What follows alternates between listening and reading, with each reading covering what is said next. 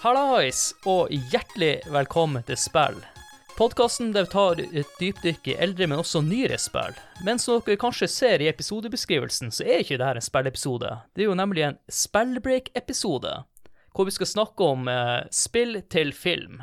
Og spill drives av meg, Adrian Haugen, og Håkon Puntervold. Og Håkon, dette er jo en episode du har ønska lenge at vi skal lage, og nå er vi endelig det her. og Hvorfor har du lyst til å snakke om akkurat dette temaet? Eh, Hei, hei, hei. uh, aller først. Uh, hyggelig eh, Altså, endelig en, en spellbreak igjen. Uh, vet du hva, jeg, jeg tror faktisk jeg sier det på hver spellbreak-episode. At det er liksom Yes, endelig en spellbreak. Eh, men eh, uansett, spellbreak når konseptet liksom var sånn her Oi, shit, dette her er det vi burde gjøre. For at vi, vi må ha noe altså Istedenfor bare å prate om enkelte spill og ta dypdykk i det, så hadde vi lyst til å gjøre litt eh, prate litt mer generelt rundt spill. Og da var dette et av de aller første temaene. Og det er jo et interessant tema i og for seg, for det, det har alltid ligget der. Det med at, at det, ja, spill som vi er glad i, gjerne kommer på the big screen i form av film eller TV-serie. Uh, nå spiller vi inn denne her bare for å si uh, år, eh, 2023, tidlig. Hvis dere hører denne her en gang i fremtida, så er det da Last of Us som er liksom the big thing akkurat nå. Og den er jo kritikerrost, og folk er så fornøyd, og det skrives om det på Facebook overalt. Uh, vi kan skru tida 10-15 år tilbake. Da var cirka alt som kom ut som var basert på spill, var enten cheesy, det var dårlig, eller en, en fikk nesten ikke vite at det var, eh, var en ting. Så nå er det et veldig interessant tema, da, syns jeg. Ja, morsomt du sier det, Håkon, for det er noe av det første jeg husker da jeg var liten, når det kommer til spill til film, det er den Mario-filmen som kom på starten av 90-tallet. Den blir nevnt videre i episoden. Ja. Men da jeg var liten, så var det mange som fortalte om den filmen her, hvordan den var. Men jeg har faktisk aldri sett den sjøl. Så det Mm. Eh. må jeg få gjort en eller annen gang. Jeg har hørt at Det det, er ikke den beste filmen som finnes der ute. Jeg har sikkert sett den 100 ganger, men eh, nok om det. vi er i hvert fall ikke alene. Vi pleier aldri å være alene i denne podkasten her. Vi har med oss to personer. Den første vi introduserer, han var med i Silent Hill 1 og 2-episodene. Han har vært med i Final Fantasy 7 Remake-episoden. Og han var faktisk førstemann til å være gjest i podkasten. Han var her til og med før meg, altså hvor de da snakker om A Link to the Past. En ting som aldri har blitt nevnt om denne karen, er det at han faktisk jobber med film, så derfor er det perfekt å ha han med i denne episoden her. Velkommen tilbake, Christer Runde. Tusen takk for uh, dere som tok den. Det er, begynner å bli en stund siden sist. Tusen takk. Det er hyggelig å, hyggelig å være med. Alltid, alltid hyggelig å ha deg med. Vi må jo få liv i de gamle sirkushestene, for dem som ikke husker gamle legender i podkastbransjen, og spesielt innenfor spill. Ja, Nerdcast der, altså. Nerdcast og The Ass, som var egentlig filmpodcasten vår. Mm. den, den varte en liten stund, den òg. men eh, nei, veldig kjekt og interessant tema. Dere har jo kombinert begge deler i denne episoden, så jeg gleder meg veldig til å snakke videre om, om det nå.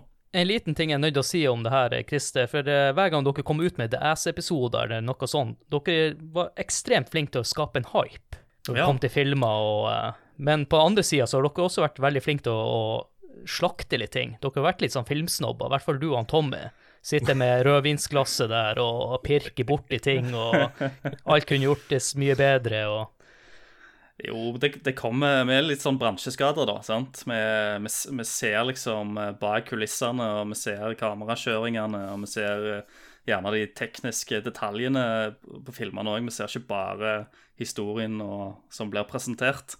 Jeg satte Så- veldig pris på det. For det, det, det var litt den der jeg begynte med sjøl, egentlig etter å ha hørt på de er så sånne ting, og ting dere nevner, så er det sånn Hm, det er faktisk noe i det de sier. Det er ikke Det, det er ikke bare kødd, vet du. Det er ikke bare kødd. Men, eh, men det som er interessant nå, da, det er jo at eh, det har jo blitt laga film av spill i lang tid. Mm. Eh, og noen av filmene vi kommer til å snakke om i dag, er jo filmer som ble lagd før jeg starta og, eh, og liksom jobba med film, da. Før jeg gikk Mm. på skole og lærte meg all, alle disse tinga. Bare Eh, gull hvis du sier nå at Jean-Claude Van Damme i Street Fighter var en stor inspirasjon til å begynne å jobbe med film. Ja, det er ikke, det er ikke langt ifra, altså. Det, du skal ikke kimse av Street Fighter-filmen. På ingen er- måte. den, er- den, er- den er gull, den, altså. Og vi Ja. kommer sikkert til å snakke om den òg seinere, antar jeg. Blir nok nevnt, ja. Men vi har en, enda en person, som jeg sa.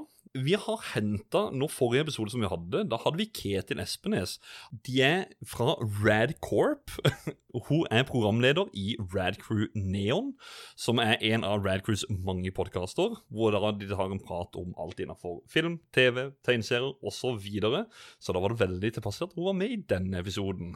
Ida Doris Joint, Heyo! velkommen til oss. Jo, takk, takk. Det er eh, til, I motsetning til Christer så har jeg aldri vært her før. Så det er jo kjempegøy. Jeg glemte én ting, faktisk. Dere, folk har hørt stemmen sin Eller folk har hørt stemmen din Det før. er sant! Ja, ja. Og det er ganske jeg, nylig. Jeg, jeg, har, jeg har aldri vært med som gjest, men jeg Nei. har vært med. Det har jeg. Det Ja, Du hadde introduksjon i den en, eh, en av kategoriene våre for Game of the Year-episoden. stemmer. Mm. Eh, det var eh, litt sånn behind the scenes-tidbit til folk der, var at eh, første utkastet jeg tok opp av den, snutten, var sånn typ tre-fire minutter lang, og så var jeg sånn Vent litt, det her går jo ikke. jeg kan ikke For du, du tror du bare skal eh, Jeg er veldig glad i å gjøre ting uten manus, så jeg hadde liksom ikke skrevet ned noe jeg skulle lese inn, for da føler jeg det blir veldig sånn statisk. Um, og så tenkte jeg ja, det kan ikke ta så lang tid å liksom bare snakke litt om beste hovedkarakter i spill, liksom. Og så Og så følte jeg at jeg hadde bare tatt en veldig sånn kjapp introduksjon, og så plutselig så sto det fire minutter da, på Audacity, og lang jeg bare eh, What?! Så Jeg kan, jeg kan kjenne meg igjen, eh, relatere til deg der, Ida. Ja, for det var sånn Jeg, jeg følte at jeg begynte Nå husker jeg jo ikke hva jeg endte opp med å sende til slutt, men, men jeg, jeg følte at jeg måtte legge til et eller annet om at det var sånn Jeg har faktisk spilt veldig få spill i 2022, så var litt sånn Oi, shit, hvordan, eh, hvordan skal jeg kunne klare å velge noe når jeg har spilt veldig lite? Men eh, Og la ut på en sånn lang story om hvordan jeg ikke har rukket å spille noe spill. Og jeg bare sånn Det her trenger jeg ikke å ha med i den introen her. Jeg kan jo trøste med en ting, Ida, at uh, du var ikke den som hadde kommet det lengste klippet, i hvert fall. For vi hadde Nei! noen som kom nesten med en episode på over ti minutter, noe som Oi, vi var nødt til å skrote. Våre venner i Ragequit og eh, det er en episode hos de, faktisk. Ja, eh, hvor de har brukt det som en liten episode. ja, ja. Vel å I see, I see. Ti, Ja, da, ti men da, er bra, minutter da, introdu introduksjon. da, føler jeg meg, da føler jeg meg litt bedre på, på den biten der. Ja. Det er good. Men Ida, du er jo veldig spillinteressert. Nei, spillinteressert. Jeg tenker på filminteressert. Ja, det, nettopp. Eh, det er jo liksom min store interesse. Altså, det er jo mye av grunnen til at jeg er med i Rad Crew, er jo eh, Som sagt, jeg er jo da programleder for Rad Crew Neon, som er eh, podkasten hvor vi snakker om alt mulig annet enn spill. Fordi eh, hovedshowet vårt og alle de andre spillpodkastene, der blir det mye spillprat. Og selv om jeg er glad i spill også, så er det liksom ikke det som er sånn primær nerdinteressen min, da. Det har alltid vært film. Eh, alltid vært eh, ordentlig filminteressert helt fra jeg var liten, og så hadde jeg en sånn klassisk eh, sånn filmnerd er hele personligheten min periode, fra jeg var sånn 13-14. og eh, et par år der hvor jeg var litt sånn annoying filmnerd òg.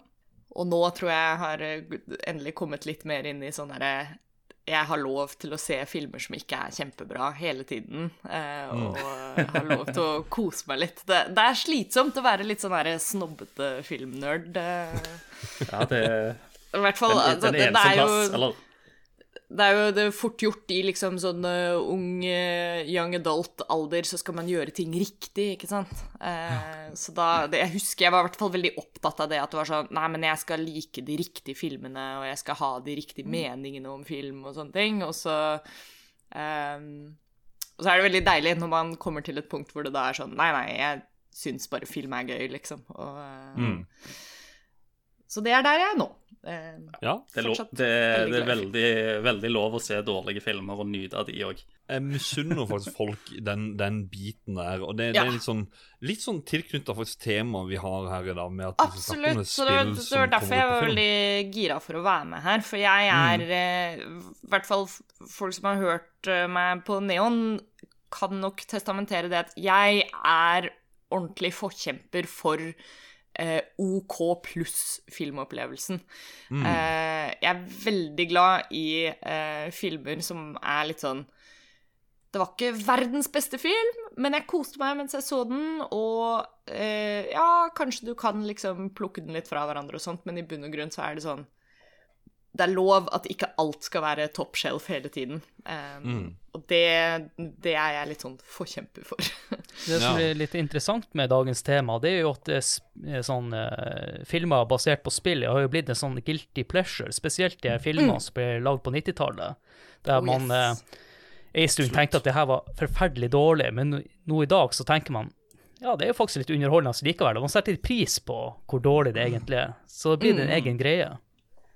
Ja, jeg skal si at uh, min guilty pleasure er allerede blitt nevnt. Uh, så det, det Ja, min òg. Jeg, jeg, tror, jeg altså. tror vi alle kommer til å komme inn på det til slutt. Eh, Ja, for det, altså, egentlig så er det jo, når du ser på denne lange lista, uh, eller lengre og lengre lister som, eh, eh, som vi har da, av, eh, av filmer som er basert på spill, så det er ganske mye som blir sett på som, som dårlig, som ikke har liksom truffet blink.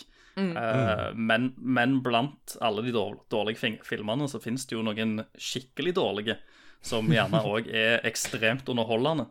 oh yes. uh, og, eh, og blir litt sånn guilty pleasures, da. Det, Så, det blir noe veldig sånn der campy og kitschy over ganske mange av det, og det, det er jo også noe jeg er veldig, veldig glad i. Eh, og, for da får du en helt sånn egen kvalitet Uh, Altså, det blir jo du, det blir jo mer en opplevelse å se mange av disse filmene enn Ja. at du ser de fordi filmen er bra. Mm. Ja. Og det som er interessant, da, det er jo liksom uh, Du har jo hatt uh, for, Altså, Hollywood har jo prøvd lenge, prøvd i mange, mange år, på, på liksom å klare å få til tegneseriefilmen. Altså film basert på tegneserier. Mm. Der òg var det utrolig mye ræva. Oh yes. Eh, Mm. og så, men de ga seg ikke, sant? De lagde på ny, på ny, på ny, på ny. Og så spol fram til i dag. I dag er det liksom de største blockbuster-filmene. Nesten alt er liksom teppebomber med eh, filmer basert på tegneserier. da. Mm. Det er det vi ser på, det er det folk eh, liker. Mm. og Det er det folk venter på. Så kanskje en eller annen gang i framtida så, så er det bare filmer basert på spill. Ja, det er, jo, som- det er jo på en måte litt sånn det skiftet vi befinner oss i nå, føler jeg, da. Eller, Ja. eller altså The Last of Us-serien som har blitt nevnt allerede, markerer jo kanskje en liten sånn begynnelse på at eh, nå entrer vi litt sånn Man kan sammenligne det med litt sånn da Iron Man kom, eh, den første Iron Man-filmen. Mm. sånn, og nå begynner vi på den derre spill-film-bølgen. Det Som er ikke å har funka håpe, før. iallfall. At Ja. de tar det litt mer seriøst, rett og slett. Ja. Ja. Og jeg tror jo mye av det har jo litt Ikke det at, eh, at spill ikke har hatt liksom god historiefortelling og sånn tidligere, altså tvert imot, men um, Men jeg føler at det er jo unektelig at uh, spillmediet som liksom historiefortellingsarena har slått mainstreamen mye mer de, i de siste liksom ti åra. Eh, og det er jo selvfølgelig en stor faktor som spiller inn i at eh, det åpner litt det markedet mer, da, fordi Ja, til at ting kan bli tatt litt mer seriøst. Eh, Mm.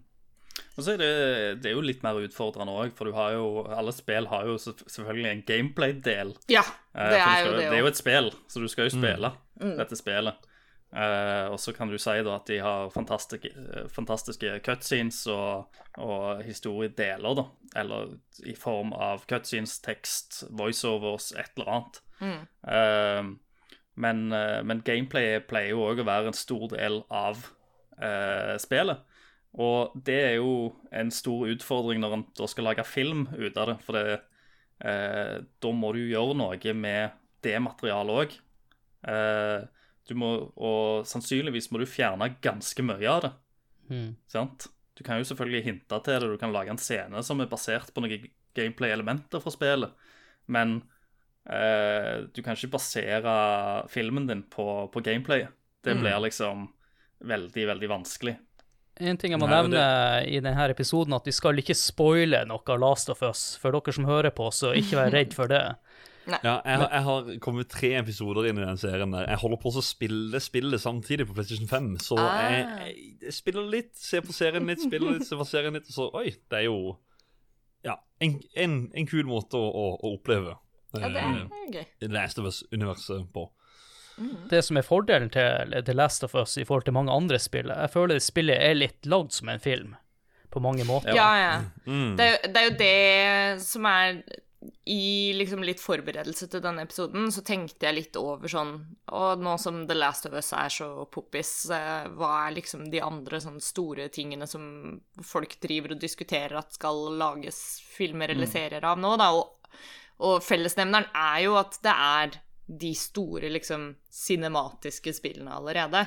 Mm. Da blir det jo litt sånn som Christer nevner, at det er det er jo mye lettere å ta utgangspunkt i de spillene, fordi der har du allerede liksom eh,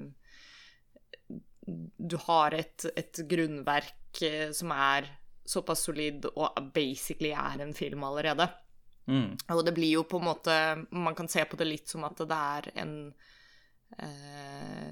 For å se litt kynisk på det, på en måte, da, så kan man se på det litt som en sånn cash grab for å være sånn Oi, men hva, med de som ikke gidder å game, da? Eh, de Ja. kan jo oppleve denne historien, de òg, hvis vi bare lager en film Ja. av det.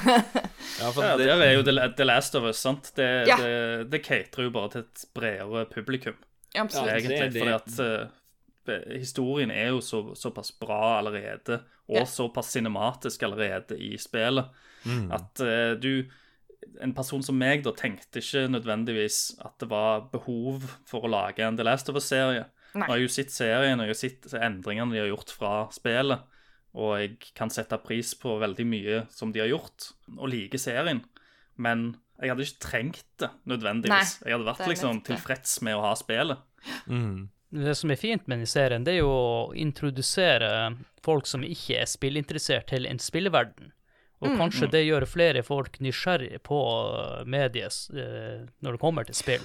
Ja, ja, absolutt. Jeg har jo hørt flere historier allerede om liksom Altså eh, Man skal ikke kunne nekte for at eh, hele verdens eh, heartthrob eh, Pedro Pascal eh, skal ha god fortjeneste for å rekruttere ganske mange husmødre til, til spillmediet nå, altså. Jeg, har, jeg har allerede hørt om et par liksom gamer... Gamersamboere der ute som som har sett på The Last of Us-serien sammen med dama si og vært sånn Mm. Fått spørsmål etterpå sånn Du, har du det spillet, eller? Eh, kan, kan jeg kanskje kan, Tror du jeg kan klare å spille det? Jo, da, da vil jeg si at vi er jo på riktig vei uh, Ja. når det kommer til, til, til det. Altså det med spill og film i en kombinasjon, da. Og det syns jeg jo også er en god, en god ting som kanskje liksom uh, Spill til film har feila på før, da, er jo å fortsette å generere den interessen for spillet. Mm. For eh, jeg føler i hvert fall at veldig mye liksom, tidligere spill til film har vært eh, Har ikke hatt like mye av den eh, effekten at du blir litt sånn Oi, nå har jeg lyst til å sjekke ut dette spillet. Det har jo vært kanskje litt mer sånn Retta seg mot fansen fra første stund. Um, Ja, ja det, ikke får henta inn nytt publikum, da. Ja, men uh, nå, nå er jo liksom The Last of Us i en litt sånn heldig situasjon òg, fordi at spillet er såpass moderne, Ja. sant? Så det er veldig enkelt å sjekke ut. Mm. Og i tillegg så har det nettopp kommet en remaster av liksom del 1, Mm. uh, som folk veldig lett kan hoppe på. Og så kan de jo til og med fortsette til del 2 hvis de Mhm. ikke, ikke vil vente på sesong 2, eller eh, Ja, ja, ja. det, det kan en jo diskutere, da, om, eh, eh, om sesong to av TV-serien kommer til å liksom utforske mellomrommet mellom spill 1 og 2, eller Ja. om det kommer bare til å hoppe rett til eh, narrativet til Det er et godt spørsmål. For det, for det hopper jo eh, noen år Mm. der. Nå har vi jo Ja. snakka en god del om Last of Us og den serien som er i vind nå. Men eh, jeg tenker vi skal ta en pause, og etter det skal vi snakke litt mer om eh, hvor det hele starta for oss når det kommer til eh, filmer som var- var basert på spill. For me, it was Tuesday. Where are we? I got a feeling we're not in Brooklyn no more.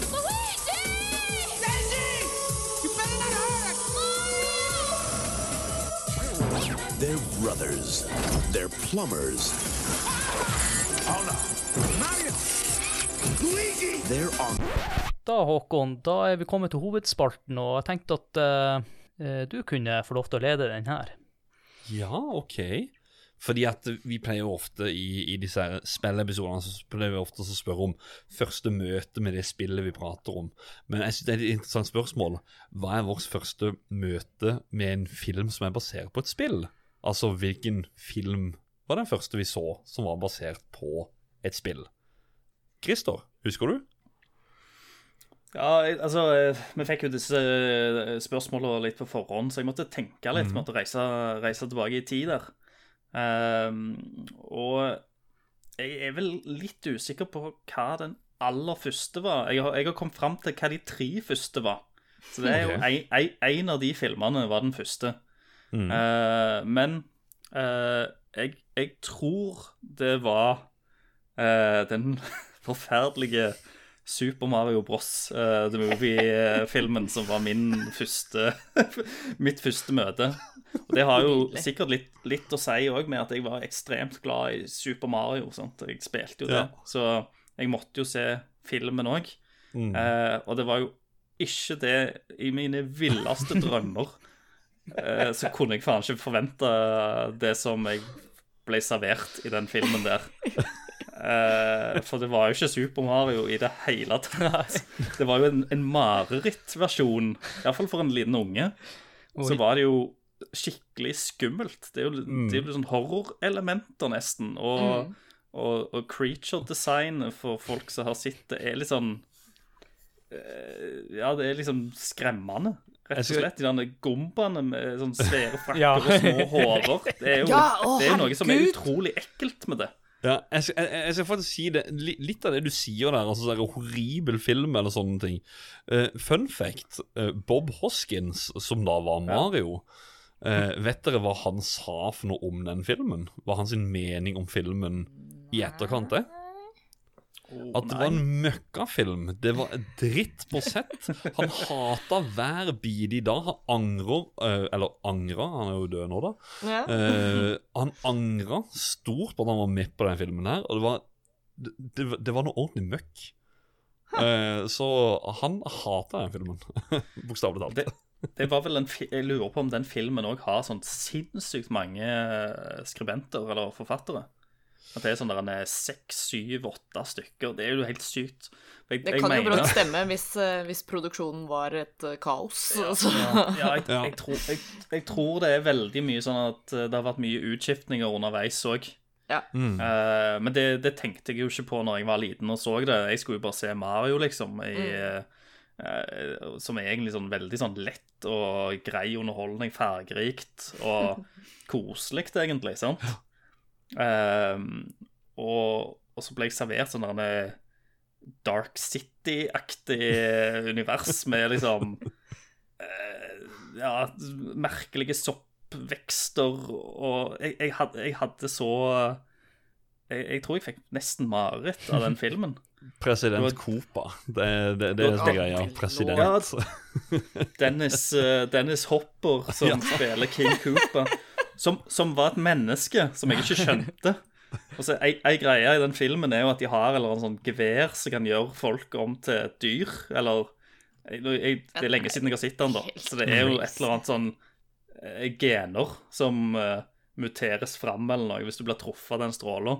Så ble jo selvfølgelig Dennis Hopper truffet av den stråla på slutten, og han bare blir om til en sånn svær muppet av en T-rex Ja. eh, som bare hyler og skriker. Eh, Det, det er helt sjukt.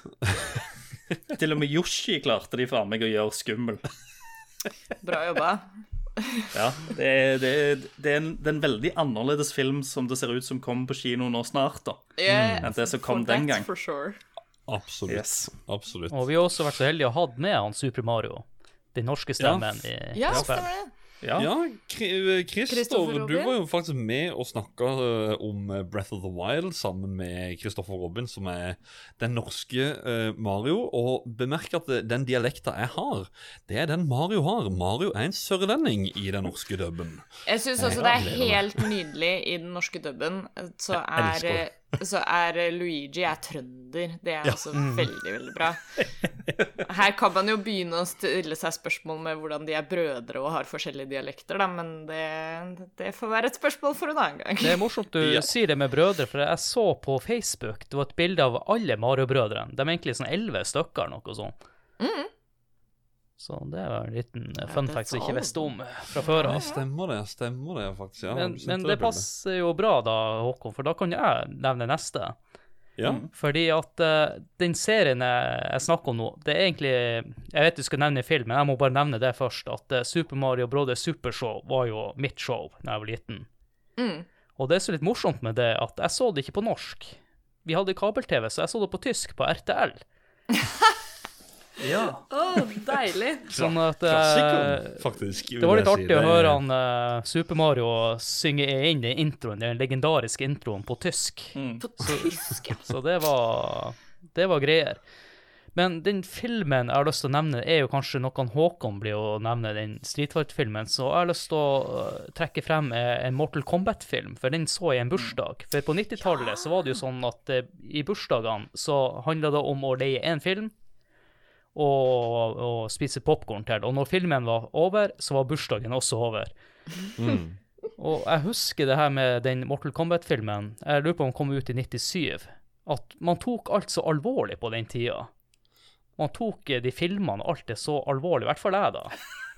Og tenkte at det her var ekte, og det her var skikkelig eh, Jeg har ikke sett den i ettertid, og jeg har litt lyst til å se den på nytt igjen. Og man var skikkelig dårlig. Den er, den er helt fantastisk. Det, det, det er en sånn guilty pleasure jeg har. Jeg elsker Mortal Kombat, den første filmen.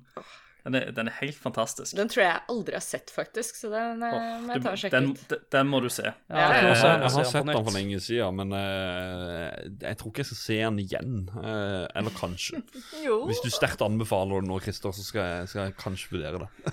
Ja, jeg, eh, jeg er veldig glad i, i både den og for så vidt Street Fighter òg. men det, var- det var liksom på en tid der det var mye sånne kampsportfilmer generelt òg. Van Damme Ja. var jo ute, det var jo Bloodsport, Bloodsport, og ja. kickbox og Det var, det var mye. Um, så det, det bare kom liksom i den miksen der og traff ganske perfekt. Det, det trengte Det var ikke så viktig, egentlig, at det var basert på et spill. Egentlig, syns jeg, på den tida. Det var mer bare at det var en, en trendy sjanger. Eh, og så funka det veldig godt med liksom en fighting-turnering i midten, da. Sant? Eh, av begge de to. Og jeg, jeg har jo alltid vært glad i litt sånn overnaturlige ting, sant? så der, eh, der kom jo Mortal Kombat inn. Mortal Kombat perfekt. Ja. Jeg vet, da, da er det Mario og, og Mortal Kombat nevnt. Ida, hva, Ja. husker du ditt første? Jeg, jeg måtte gå eh, Først så måtte jeg gå skikkelig i tenkeboksen og være sånn Herregud, hva var første filmen jeg så basert på et spill? For jeg er jo obviously en god del yngre enn dere. Uh, og um, og jeg har én film som jeg kan nevne, som jeg tror er liksom filmen som jeg så først basert på et spill. Men eh, det mest selvfølgelige svaret her er jo selvfølgelig Pokémon-serien. Eh, Ja. Og, og Pokémon-filmen, egentlig. Altså, jeg er jo Generation Pokémon. Ja, ja, ja, jeg er også Eh, født i 1990, så det, ja, det der Eh, mm. Så uh, jeg har i hvert fall veldig gode minner av å liksom stå opp klokka sju lørdagsmorgen uh, for å se neste episode av Pokémon. Um, og det var liksom the shit da, da jeg gikk på barneskolen. Eh, så jeg har veldig, veldig gode minner fra det, og da blir jo typ eh, jeg, jeg husker også veldig godt den eh, ikke den første Pokémon-filmen, altså ikke den med Mewtwo og sånn, men Pokémon 2000. Den Ja. eh, med Lugia og alle de legendary birdsene og sånn. Den så jeg så jævlig mange ganger. Det er det eneste jeg ikke har sett av de Den tre første. jeg så sånn eneren derre- og treeren masse. Den fikk jeg ehm, Jeg har vokst opp i et ganske sånn teknologisk hjem, da, for faren min har jobba med IT hele livet, og, og han hadde mye sånn jobbreiser og reiste internasjonalt og sånt, så jeg husker så godt at jeg fikk den Pokémon 2000, fikk jeg sånn spesialimportert DVD.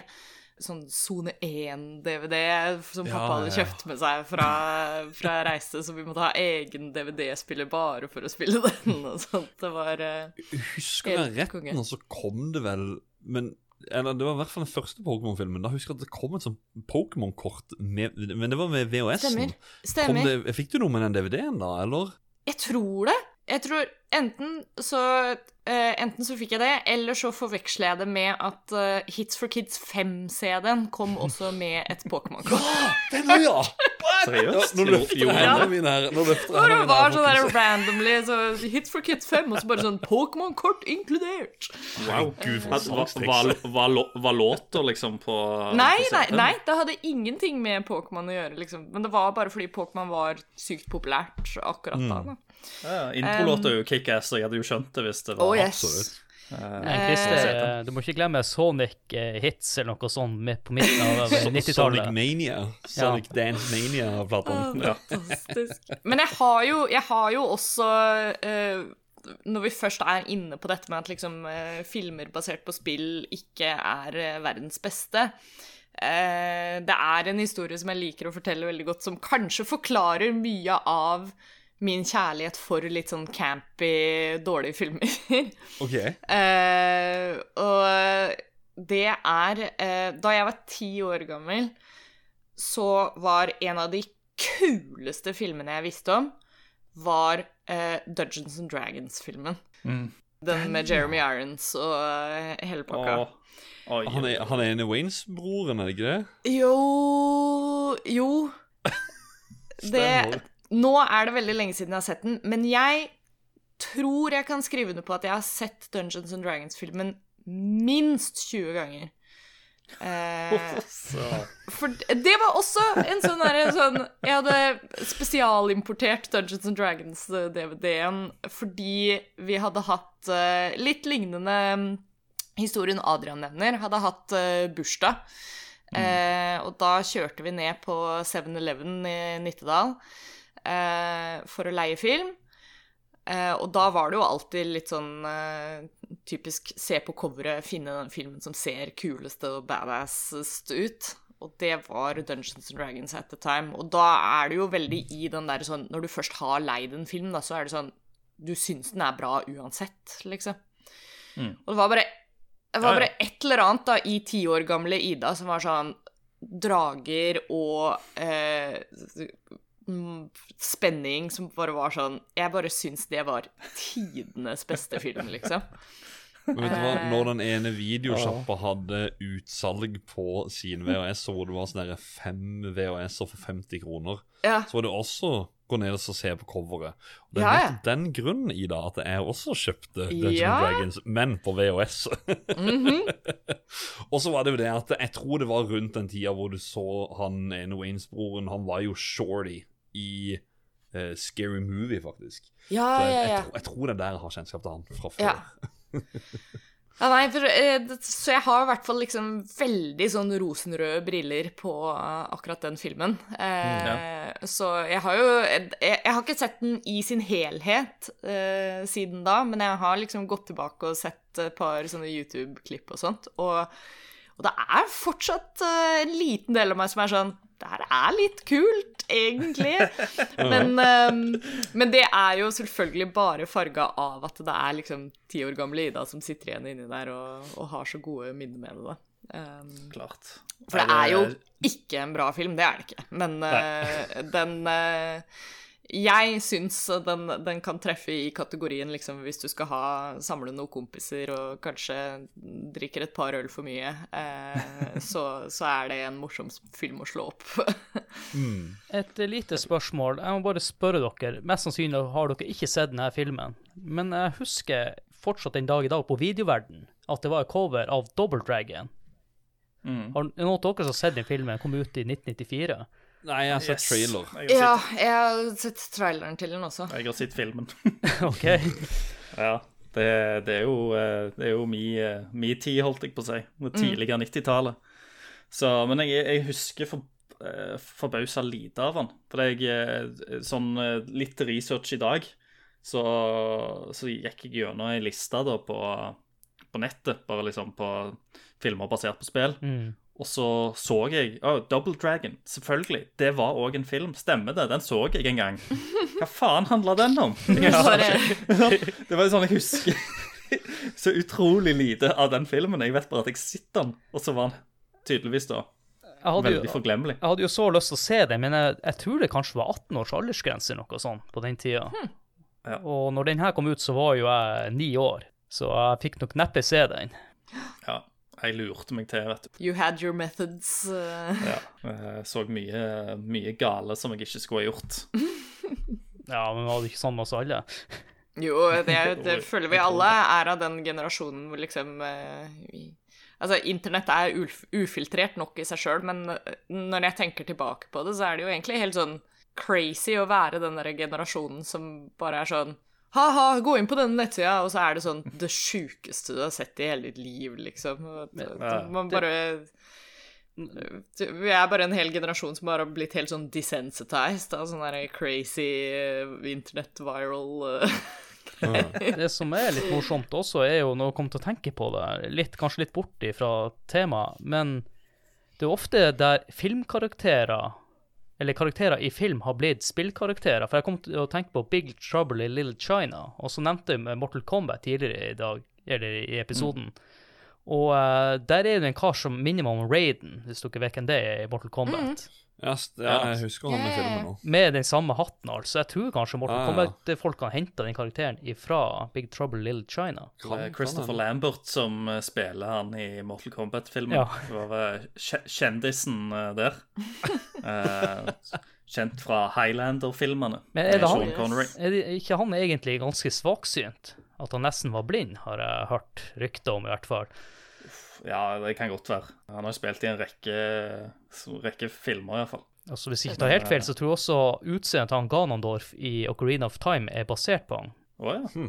Cool. Det er en kul fun, fun fact. Jeg skal, jeg skal prøve å dra oss inn tilbake igjen, for jeg tenkte jeg skulle ta stafettpinnen fra Ida der. For at hun sa dette her med at du har en sånn film at du liksom uh, Du vet han er dårlig, men du, du klarte bare å nyte han, på sett og vis. Veldig rart. For at filmen jeg skal prate om, den har liksom et tomato meter på 29% og samme på audience score på Rotten Tomatoes. Han er rangert med 4,1 av 10 på IMDb. Jeg så den filmen drøssevis av ganger. Eh, jeg er ikke sjokkert med å ha sett den tresifra, altså over 100. Oi, oi, oi. Nå er jeg spent. Og det er med to brødre. Det er Super Mario-filmen. Jeg ja. Elsker den filmen så latterlig mye. Everybody get on the floor, everybody do the dinosaur. Den stygge sangen når de er inne på diskoteket der. Og det er, sånn der, det er så dårlig film. Men det er bare noe jeg elsker med den. Jeg blir litt skuffa. Jeg trodde du skulle nevne Street Fighter. Nei, eh, altså Jeg føler litt sånn der eh, for det, Nei, altså det er jo mitt første møte. Det er jo Det det er Super Mario-filmen. Det, det er liksom er mitt første møte. Hvilken film jeg har lyst til å nevne til folk skal sjekke ut, det er noe, noe du har nevnt der, men eh, no, noe relatert til Street Fighter. Men altså, ja. Super Mario-filmen sammen med Ninja Turtles, eh, som kom tre år før denne, de to lånte på VHS av min gamle nabo Nikolai. Og altså eh, Jeg skulle hatt min far eller mor på, på opptak her. Til å så fortelle hvor mange jeg så den filmen der. Oh De, god. de hadde opptil flere ganger liksom gått og levert filmen til Nikolai. Fordi at eh, jeg så den filmen så mye. Altså Super Mario og Turtles. De to de gikk på repeat hele tida. Det er jo sånn De kom og ga den tilbake til eh, Nikolai og bare sånn Neste gang, eh, neste gang Håkon spør om å låne den, ikke gi den tilbake! Nei, nei. Jeg tror Tur Turtles 2-VHS-en min Den var sett så mange ganger at eh, det var det, Altså, båndet hadde blitt slitt. Ja, Så det, var, det kom sånne linjer på TV-en. Ak akkurat på de der eh, kuleste actionscenene. ja, nei, det var jo en tid der også med VHS og, og, og eh, videobånd. Men ja, nei, vi har jo snakka om Mario-filmen, så jeg skal ikke ta noe videre prat om den. Men eh, det var i hvert fall mitt første møte, og jeg, og jeg elska den filmen. Men var du, var, ble du redd?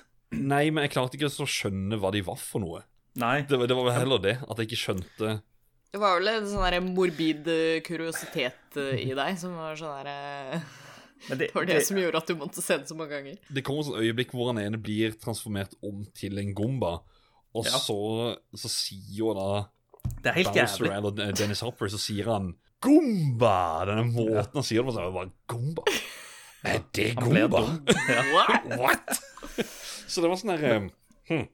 Eh, Den filmen vi får uh, nå, om ikke så altfor lenge til, uh, dere som hører den i en fremtidig gang, en eller annen, og filmen allerede har kommet ut, den Mario-filmen der ser legendarisk bra ut kontra dette. Så, men dette her, her er faktisk min guilty pleasure samtidig. Så uh, Nice. digger det. Det, det skal du få lov til å ha, Håkon. Absolutt. Takk, takk. Den, den, den kan du få. Men, men ehm, Ja, Adrian, du sa jo at du var egentlig skuffa over at jeg ikke sa Street Fighter, men det er jo for det er jo ikke mitt første møte. Men ehm, for også å nevne Altså, ja, første møte Det er jo en tid også hvor filmene kanskje ikke var så veldig bra. Men er det noen filmer vi mener burde bli nevnt som folk burde sjekke ut?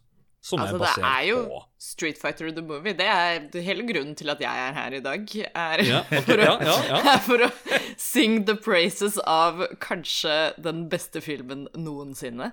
Uh, Eh, Bare fortell oss hvorfor, Ida. Hvorfor eh, Nei, alle altså, jeg, jeg er så utrolig glad i den filmen, og den Jeg tror Hvis man skal forstå en sånn derre eh, Hvis man trenger bare å forstå litt sånn derre Min humor, eh, så er det egentlig bare å se Street Fighter the Movie Ja. og se den med liksom innstillingen at dette er en råbra film. liksom. Altså, Kylie Minogue er med i han. eh, Um, ja, altså, altså, Du skal ikke tulle med, med skuespillere her. Street Fighter the Movie er en film som jeg aldri kommer til å uh, slutte å synge the praises for. Uh, all, alle jeg kjenner, uh, alle muligheter jeg får til å liksom pushe Street Fighter the Movie på noen, mm. så gjør jeg det. Fordi den, den treffer så veldig det derre campy, kitschy elementet som, som jeg snakker om, og, og det er en så fin måte å være sånn herre Hvis du ser denne filmen og klarer å ha det gøy med å se denne filmen, Mm. så da har du et bra liv, liksom. Da, Ja, ja, ja. da, da vet du at liksom eh, du har kapasiteten til å kunne skru av den seriøsbryteren lite grann. Eh, Mm, og det syns jeg er en veldig fin ting. Jeg syns den filmen har en ganske sånn fantastisk eh, livsvisdom i seg, kan man si. Raul Julia Jeg vet ikke om jeg sier Eller Raul Julia, Ja. eller Jeg vet ikke om jeg uttaler navnet riktig. Raoul Men Julia. Oscar-mann. Han er iallfall Ja. nominert. Kanskje han til og med vant. Ja, Det var hans siste film. Ja, og han gikk all in. ja, ja. ja. Ja. For Han takka ja til den rollen. rollen for liksom barnebarna sin, sin skyld. Mm. Var liksom sånn OK, nå securer jeg litt mer inheritance for de, og så er dette liksom noe videogame-greier som de sikkert syns er gøy, liksom. Mm. Og bare gir jernet. Altså, det er Jeg skal, eh, jeg skal faktisk si at eh, når kritikken mot at det er hun som spiller Ellie i TV-serien, ikke ligner på Ellie i spillet i The Last of Us, så la jeg inn bilde av Roll Julia som Bison og sa at eh, det er ikke alltid likheten til karakteren som teller, det er veldig ofte skuespillet. Eller det er stort sett skuespillet. Og jeg syns han nailer det i Ja. cheesiness på topp, og at han er en madman, som han Ja. sier i, i spillet, eller, eller i, i filmen sjøl. Hver, hver scene med Bison i den filmen er jo en høydere. sant? Ja. Det er jo Ja, liksom det, er, et, så- eh, det er highlight. helt fantastisk. Eh, og, og dialogen og leveransen av dialogen av han òg er jo helt nydelig. Eh, jeg, er- jeg er jo helt eh, på bølge, samme bølgelengde som, som dere der, da. Selv om jeg er, er en filmsnobb, så kan jeg òg sette, sette veldig godt pris på Street Fighter The Movie. Eh, en fantastisk eh, film som jeg òg så veldig mye i Ja. barndommen. Men hva, hva du synes så- om uh, kameraføringa, da? Christer? Nei, kameraføringen av, av sin tid, da. nei, eh, nei det, er, det er jo veldig sjarmerende, da. Sant? På, du, det er jo som Ida sier, du har det gøy når du ser den filmen, liksom. Sant? Det ser ut som eh, Det er hammy, liksom, men det er, det er skikkelig, skikkelig gøy og underholdende. Så, og, og det er jo en og, og det er jo på en måte en følelse som jeg tror òg den har tatt med seg. da, så Hvis en, hvis en ser den filmen i dag, så kan en ennå ha gøy med den filmen. sant? Det er ikke liksom uh, Selv om det er en gammel film, så, så, er, det, så er det absolutt en verdi der Ja. Det å se det i dag òg. Og jeg syns det er noe veldig sånn gøy med den, fordi jeg, jeg så den for første gang i forbindelse med at vi skulle lage en, en Neon-episode om nettopp sånne derre So Bad It's Good-filmer. Ja. Og da hadde Jostein sendt meg en liten sånn liste med forslag da, om liksom Her er noen filmer vi burde snakke om. eh, Er det noen av disse du har sett? Og så, eh, og så var hun sånn Hvis det er noen av de du ikke har sett, så må du i hvert fall se de her. Og da, det var blant annet uh, Street Fighter. Eh, og det som slo meg så veldig med den, var det der at eh, jeg føler veldig mange sånne So Bad It's Good-filmer er sånn Du ser de fordi det er litt sånn morsomt å le av de, på en måte. Litt sånn The Room-type, eller eh, Mens, som Christer påpeker, da, Street Fighter er sånn Det er en genuin, liksom morsom filmopplevelse, og det er, det er noe sånn varmt og ekte med den, på en måte. Eh, som er litt sånn uforklarlig. Men jeg tror mye av det stammer litt også fra det der at det, eh, Jeg får i hvert fall veldig sånn følelsen av at det er en film som vet 100 hva den er. Eh, altså, den prøver ikke å utgi seg for å være mer seriøs enn det den trenger å være. Den, den tar liksom Den tar campinessen sin på strak arm, da. Eh, og det er en sånn lightning in a bottle-kvalitet som ja, som gjør at man liksom eh, Det, det er vanskelig å sånn forklare det, men man, når man ser det, så skjønner man liksom Aha, dette er den effekten. Nei, Den filmen har jeg sett mange ganger, og helt, eh, helt siden jeg så den da, så har det blitt et sånn fast inventar eh, hver gang folk snakker om Hver gang jeg får en eller annen sjanse til å styre samtalen inn på Street Fighter the Movie, så, så gjør jeg det. Ja, han er iallfall veldig mye bedre enn uh, Chun-Li-filmen som Ja. Uh, ja, den er kom ut for en del år Den siden. er ikke så bra, nei. Den er faktisk fullstendig krise. Ja. Men du, Christer, har du Mm. noe film som ikke er krise, men som er verdt å sjekke ut? Nei, altså Jeg må, jeg må, jeg må jo tilføye at eh, jeg har vel egentlig litt sånn introduksjonsmessig i episoden sagt at det er film, men TV-serier også, for at det er litt sånn Ja, sleng det med, for det, det er noe må komme ut som TV-serie. Det kan ikke bare komme ut som film.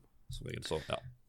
Ja, altså eh, Jeg tenkte litt på dette her greiene, men eh, mine liksom anbefalinger òg går litt under liksom eh, kategorien So bad it's good, eh, egentlig. Eh, og jeg tenker det, det, eh, Dette er jo liksom et fint tidspunkt til å Hvis en skal snakke om liksom fra spill til film, så er det jo én filmregissør som bør nevnes. Eh, og det er jo den tyske filmregissøren Uwe Boll. Uh, det er vel gjerne den mannen som har lagd flest filmer som er da basert på, på spill. Eh, på godt og vondt. Han sier jo sjøl han sier jo sjøl at uh, filmene hans er finansiert av tysk nazigull. uh, og uh, har egentlig Det er jo mange teorier som, som, eh, som sier at eh, grunnen til at han lager film, er jo bare at han driver med skattesvindel på staten. For de har noen sånne eh, Respect the hustle. Sinnssyke ja, eh, omveier der hvis du lager film da, eh, og kultur. Men jeg tenker liksom at hans første film, da, som basert, eller er basert på spill, eh, House of the Dead, er jo en, eh, en film som jeg har lyst til å trekke fram. Eh, det har jo ekstremt lite med, med spill å gjøre, bortsett fra at det er liksom zombier og, og mye randomness. Men det er en film som er så rar og så dum og så dårlig.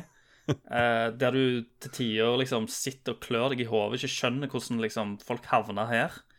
Uh, og hva som skjer. Hva er det jeg sitter og ser på, egentlig? Som er egentlig en sånn perfekt film hvis du samler en del venner. Eh, Og så tar du liksom tre-fire pils, og så setter du på den. Eh, da, da kan du ha det, litt, eh, ha det ganske løye, tror jeg. Um, Herlig. og det er jo ikke alle filmene hans som treffer det, uh, dessverre. Noen er bare rett og slett dårlige. Men, men akkurat den første filmen har en eller annen sånn liten sjarm med seg. Det, det, det er liksom Og da er vi jo i The Room-territoriet, liksom. sant? Og Troll 2. At det er, det er rett og slett forferdelig dårlig. Han har prøvd å lage sikkert en kul film, men uh, har ikke klart det i det hele tatt. Og derfor har han fått en helt annen kvalitet. da At det blir en mer en komedie, på sett og vis. Ja, for det, jeg syns det, jeg synes det er liksom interessant at han uh, Altså, ut, ut av alle ting sant? Vi ja, sier jo 'Last of Us' igjen, da, for det er i vinden, da. uh, at Ja. det, det er sånn stor story, alt sammen. En kan skjønne at det faktisk blir en, en serie ut av det. øh, at, at det blir filmatisert. Men at Arkadespillet, som er en svær arkademaskin som du så på typ bowlinga med en rød og en blå pistol du kasta på tieren, og så Ja, ja. autoscroller den igjennom Den har nok noen hovedkarakterer som har noen navn, og så klarer du å lage film ut av det. Jeg syns Ja. det er imponerende. Ja. Men, Ja, ja. Står respekt av det. men så tenker du, så, så har han òg lagt film av Alone in the Dark, Blood Rain, Dungeon Siege, Postal og Far Cry. Han har Er det han som står bak alle de, ja? For jeg har jo Ja. hørt alle de. Og- han og- står bak Postal, blant annet. Ja, og oppfølgere til de òg. Ja. Å det er ikke han som lagde Hitman-filmen. Nei. Nei. Å, fy faen. Nei. det, det er det ikke. Det er det ikke. Den er òg helt elendig. Så nei, eh, det er, det er jo en interessant skrue. Han eh, Han eh, Det ble jo oppheta debatt rundt han òg, så det endte vel opp med at han uh, utfordra en sånn eh, filmkritiker til en boksekamp. Ja, stemmer det. Eh, som de skrev om eh, for, for noen år siden. Ja, ja, ja. Og, så, eh, men, og han, han Filmjournalisten stilte opp i ringen. Eh, men han visste ikke at Uwe Boll har liksom eh, i tidligere i karrieren sin så har han sånn juniorboksmester i Tyskland. Så, han endte, så det endte jo opp med at Uwe Boll bare banka driten ut av filmkritikeren. Herregud. Så det er jo ganske ganske Det er litt show rundt han, da. Ja, det Han, han lagde vel også en video hvor det var en kickstarter eller noe som ikke eh, gikk som det skulle. Og det var, han sa egentlig 'fuck you', det eller hva det var for noe. eh, Litt sånn rett uttalt òg. Ja, Det det, er vel nå, nå har jeg ikke vært inne på IMDb-en hans, men det, det er lenge siden jeg har hørt om han. Jeg, jeg lurer på om han har eh, begynt å gå en litt annen retning. Eh, tviler på at filmene hans er bedre, men de er gjerne ikke basert like mye på spill lenger. Ja, OK. Ja, han fortsetter med Ja. film, ja. ja. Jeg tror han, jeg tror han lager film ennå, altså. Men eh, eh, det er jo fordi at når du lager noe som er basert på et spill, så finnes det jo allerede et eller annet community som er interessert i det. sant? ja, ja det er Eh, på sett og vis. eh, Og, og de blir jo og Vi vet jo det at, eh, at nerder kan bli forferdelig sinte hvis noen kød, kødder med IP-en deres, Oh, eller yes. gjør noe med det de bryr seg om, og, og, og lager noe helt annet. Så han har jo sikkert fått ganske mye hat opp gjennom, vil jeg anta. eh, Oh, yes. i, I og med at han har, eh, han har virkelig vridd eh, på disse titlene. Han Har ikke basert det så mye på, på de spillene han har la, lagt filmene om. Ja, nei, han eh, Han er jo blitt ja, vist frem som en karakter, spør du meg, inn på YouTube og diverse. Og fått med meg noen av filmene, men at det er så mange filmer han står bak, faktisk, det har jeg aldri tenkt over. og Og han, eh, han òg får, får jo med liksom gode og kjente skuespillere Mm. i filmene sine, sant? Eh, så han har jo mått Og de må jo bare ha liksom tatt det som en sånn rask paycheck, paycheck, antar jeg, sant? At de Han må- har mye må- nazigull som han må bli kvitt. Ja, det er jo, det er jo, gode, det er jo gode kulturmidler i, i Tyskland, da, tydeligvis. Fordi at eh, jeg, jeg ser jo for meg at de har bare sagt en eller annen svimlende sum, bare liksom på kødd. Og så bare sier han ja, ja, klart det, du skal få det. Let's go. Og så OK, da da må jeg gjøre det, da. Det er sånn han får For det Og det virker jo som om og det er gjennomgående i alle filmene hans. Det virker jo som om skuespillerne sover seg gjennom rollene. Det er veldig sjeldent i, det, at det er noe særlig innlevelse. Og dette er fra, fra, fra ganske kjente fjes. Men det er jo sånn Det har jo veldig mye En skuespiller, en god skuespiller kan jo være skikkelig god med, eh, med en rett regissør i, i ryggen. Ja, ja. Eh, og til og med en god skuespiller kan òg være elendig i, med en dårlig regissør i, i ryggen. Eh, case in point Nå The Last of Us, Bella Ramsey, som er skuespiller, hun som spiller Ellie, eh, gjør det veldig, veldig godt der. Eh, og eh, i Game of Thrones hadde hun jo en mindre rolle, som var litt sånn Hun gikk ikke så dypt uh, innpå henne, men hun, hun var en type karakter som folk likte, da. Sant? For hun var ganske, ganske macho og in your face til å være ei lita jente. Sant? Mm, mm. Um, og, men så spilte hun òg en bitte liten rolle i denne Golden Compass-serien som kom i, s- i sesong to. Og hun spiller så elendig. Ja. Overspillet til de grader, hvis dere har sett de eh, episodene hun er med i. Det er helt forferdelig. Og jeg var så, jeg var så livredd når jeg hørte hun var blitt casta til Ellie. Oh, ja. Ikke på grunn av- ikke på grunn av likhet, Nei, nei. men fordi at jeg hadde sett spillet hennes Ah. i uh, The Golden Compass og tenkte åh, å nei, Ja, det dette blir krise, liksom. Uh, men uh, nei, en, en god regissør fikser ganske mye, altså. Mm, det har mye å si. Ja. Og, U og Uwe Boll er ikke en god eh, regissør. Nei. Nei. Når vi er inne på dårlige spill og sånn, så tenkte jeg at jeg kunne være nestemann ut. Ja. Mm. Jeg har litt lyst til å følge opp med en dårlig film, men først vil jeg nevne noe som er bra, før jeg skal lange ut på den filmen som har ødelagt mye. Jeg vil trekke frem eh, Det er ikke en film, men en, serie som er den Castlevania-serien som kom ut i 2017. Ah, ja, ja. På Netflix. Mm. Ja. Som Ja. eh, klarer å bevare den Castlevania-følelsen og det dystre, og klarer å få det ut på en bra måte. Så eh, jeg anbefaler folk som eh, er interessert i Castlevania spesielt, og andre, å sjekke den ut. Ja, det er mange som er kanskje litt skeptiske til anime og sånn, men den her er meget bra.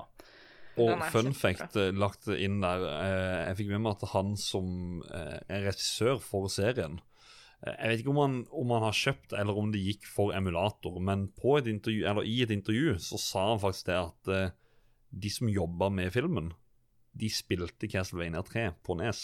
Alle skulle runde det spillet, for at det er storyen tar inn da med. Trevor, med Trevor Belmont og, og co. Så mm, en liten fun fact der. Ja, så jeg starta nå med noe meget bra, og nå skal jeg lange ut mot eh, en filmserie som også ødela spillet etter hvert. Og det er Resident Evil, som jeg mener ja, ja. gjorde alt på feil måte. Ja, de har prøvd så mange ganger òg, vet du. Eh, greia, jeg husker jeg så den på kino, det var mye action, og, eh, og hun Mila Jovic, eller hva hun heter, hun gjorde en veldig bra rolle i The Fifth Element. Det er der hun husker henne først. Mm. så det lovde jo bra, men eh, det man fikk se, var overhodet ikke det jeg forbinder med Resident Evil som eh, det egentlig, egentlig så vil jeg jo lyst til å fortelle hva jeg har lyst til at Resident Evil skal være. Det den filmen her gjorde, eh, på en måte Det virker som at de folkene i Japan trodde at vi i Vesten ønska mer action i deres spillserie. Og man ser jo også et hopp derifra. Den første filmen kom ut i 2002. Og du ser også et hopp eh, i spillserien også, fra å gå, over, gå ifra horrorelementer over til actionelementer og sekvenser. Og der Resident Evil 4 var kanskje det første spillet de innførte mye action, klarte det bra, men den balanserte på knivsegg. Men eh, Resident Evil 5 og videre gjorde jo at spilleserien lå jo med brokka rygg i sikkert i over ti år.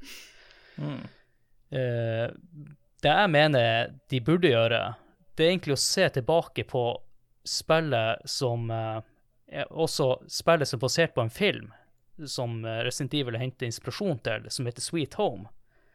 En japansk film på 80-tallet. Eh, her mener jeg at Resident Evil burde ha spilt eh, på huset, men også horrorelementer og det mystiske.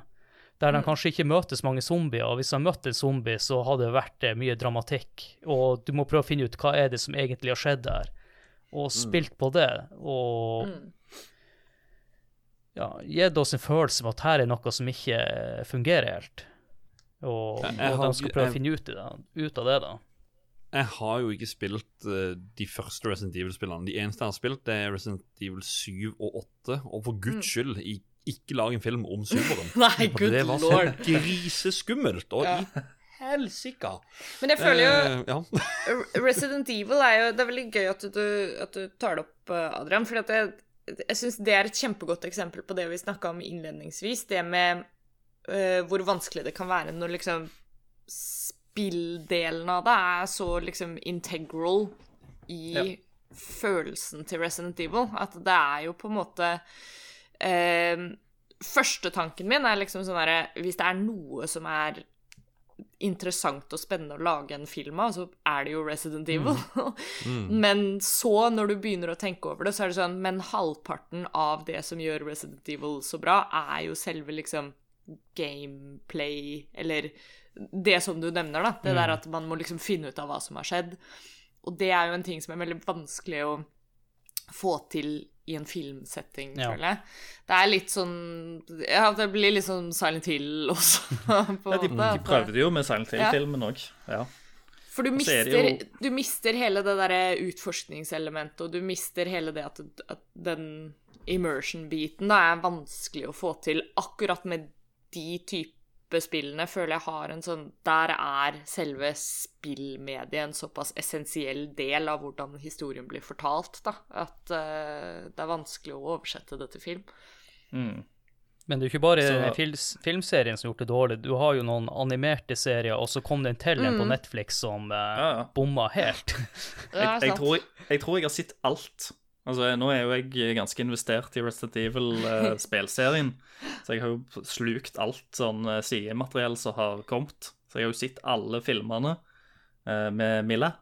Og uh, alle sånne animerte filmene. Og jeg har sett den nye Netflix-serien òg. Som har blitt kansellert. Eh, som har blitt kansellert etter én sesong. Eh, og jeg tror Jeg tror det er kanskje en av de animerte eh, filmene som er på en måte har vært det nærmeste. Eh, uten at det har liksom truffet helt blink, det heller. Men alle live action-tinga har, eh, har bare vært dårlige. Du har jo eh, Mila Jolovic eh, Det var jo noe av kritikken på den første filmen, var jo òg at det var for få Resident Evil-elementer. sant? Det var for liksom futuristisk og sci-fi. Uh, og når du da fikk se monster, det eneste du fikk se, var den hunden. Sant? Som er, er liksom en av de første monster du ser. Så meg som, meg som Resident Evil-fan, jeg forventer jo å se en Tyrant dukke opp en eller annen gang. Eller i alle fall en Licker eller noe sånt. Noen av de liksom kulere monsterdesigner. Men det skjer jo ikke. Du, får- du får ikke det i den første filmen. Men, men så, da, så, så hører de jo sikkert på, på fans òg. Og så begynner de å blande inn spillkarakterer med filmkarakterene etter hvert som serien går videre. Eh, men det funker jo ikke, det heller. Det blir liksom Det blir bare merkelig. Mm. Eh, og så blir det sånn over the top action. Litt sånn som uh, spel-off, altså Resident Evil 6 spesielt. da. Eh, går liksom off the rails, og så bare blir det veldig tullete og fleipete. Eh, så det, det har liksom aldri klikka helt. Selv om du, jeg, jeg vet at det er veldig mange som ser de Mila Jolovic-filmene og syns det er veldig morsomt, liksom. Skal jeg fortelle en morsom, Eh, og eh, sjarmerende, det òg. skal jeg fortelle en morsom ting. Jeg husker den første Resident Evil-episoden jeg lagde i spill. Da var med han- kun han Thomas Jørgensen, da. Og da var en Ja. kompis som endelig lager dere en episode om en film jeg har sett. Så han visste ikke engang at det her var eh, basert på en spillserie. Oi, oi, oi. oi, oi, oi. Ja, det er spenstig. Ja, det kunne vel kanskje også litt sånn Det er noe jeg har tenkt på med eh, Det var faktisk Turtles, eh, med tanke på de nyere filmene som har kommet av Michael Bay og sånt, har ikke vært det store. Eh, Kom en kortfilm eh, med Turtles på som er bare sånn Oi, her snakker vi! Kunne kanskje Resident Evil ha funka bedre som en kortfilm av noe slag? Ja, jeg, tror, jeg, tror det kunne funke, jeg tror det kunne funka som en serie òg. Jeg syns jo den, den nye net Netflix-serien har jo på en måte jeg, jeg tror det smarteste er å dis distansere seg fra spillene. Uh, hvis du skal lage noe fra det. Jeg tror ikke det funker å lage en én-til-én. Du kan ikke lage noe om Chris eller uh, eh, ja, Wesker. sant? Han skurk i sånn jævla trenchcoat og solbriller. Det blir for cheesy, sant? Men se for deg liksom sånn der en eh, eh, True Detective-stemning, sant? Eller setting, der du liksom reiser ut, og så har det skjedd noe i sumpen, og du, kanskje det er en eller annen detektivhistorie, da Ja, litt sånn som skal X-Files, rett og utforske et eller annet. At det har skjedd et eller annet. Og så, og så viser det seg til at det, det er et eller annet sånn Umbrella-lab ute i ingen plass. Der de har liksom testa litt greier, og så blir det liksom en litt mer sånn lukka en horror-greie og noe, og noe zombieutbrudd eller et eller annet sånt. Det trenger ikke være så stort nødvendigvis, men bare gjør det litt mindre og gjør det litt mer slow-paced. Ja, og, og folk har bare forsvunnet. Så kunne jo spilt på Ja. det med at Alfa-team har blitt borte etter hvert, og så Ikke sant? Ja, det kunne vært liksom interessant å sitte. Mm. uh, tror jeg. Men jeg For det, at eh, det skal veldig mye til å overføre de spillene. De er jo cheesy Ja. opprinnelig, liksom. Det er jo den dialogen der. Du må jo Du nevnte jo, Christer, det der med å skille seg litt ut ifra universet og spillet. Du har jo det League of Legends, jeg husker ikke helt eh, hva det heter. den serien. Arcane. Ja, ja. Arcane, ja. Ja, er Veldig, Veldig bra. bra. Åh, oh, Det er jo helt fantastisk. Det er jo for så vidt en serie som anbefales. Det, var, det ble jeg eh, skikkelig positivt Mm. overraska Ja. over.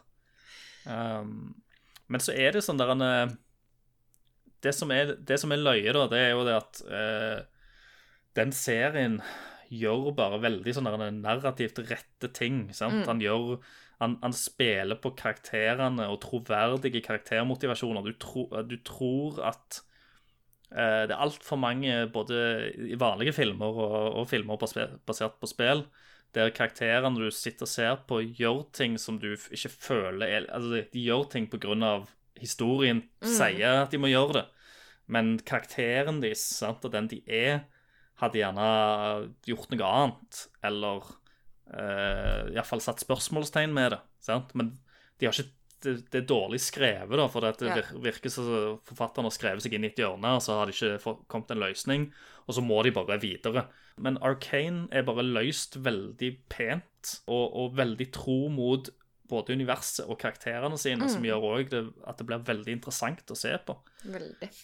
Um, Så det er bare et godt håndverk. Og, og til og med den der eh, stilen som Ja. jeg bare sånn Jeg hater jo egentlig sånne 3D, 2D-greier, men, men her har de virkelig gjort det så det funker. Den eneste serien jeg tror som jeg kan si at liksom Jeg var med 100 Jeg har sett, jeg har sett anime-serier som har gjort det samme. Det er liksom sånn Noe er sånn «Ah, ah, Det var kult, men det der var helt forferdelig. Mm. Så, men uh, Arcane, ja.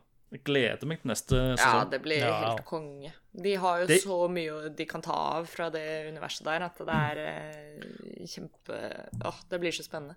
Og det er jo en spelserie som jeg aldri har spilt. Nei. Det er jo kompiser av meg som har spilt det og sånn. Ja, ja. Men, men den serien fikk meg faktisk eh, interessert nok i karakterene til at jeg gikk på Wiki og begynte å lese om er kult. spillet og karakterene, og, og satt, prøvde å sette meg inn i spillet, da. For det er det som er, gøy. Det er det som er veldig sånn artig. Altså eh, eh, League of Legends har en helt sånn insane law.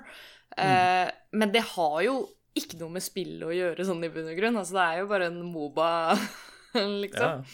Um, men, men Riot har en sånn helt sjuk avdeling da, som uh, har gjort så sykt mye uh, med law og backstory og sånne ting. Så, så det er jo også en av grunnene til at Arcane har så utrolig godt grunnlag, da. Fordi at det er Det er jo masse som eh, man kan ta av allerede. Som er det som gjør at eh, sesong to kommer til å bli så sykt spennende. Fordi det er, eh, ja, det er så mye mer man kan utforske i det universet der.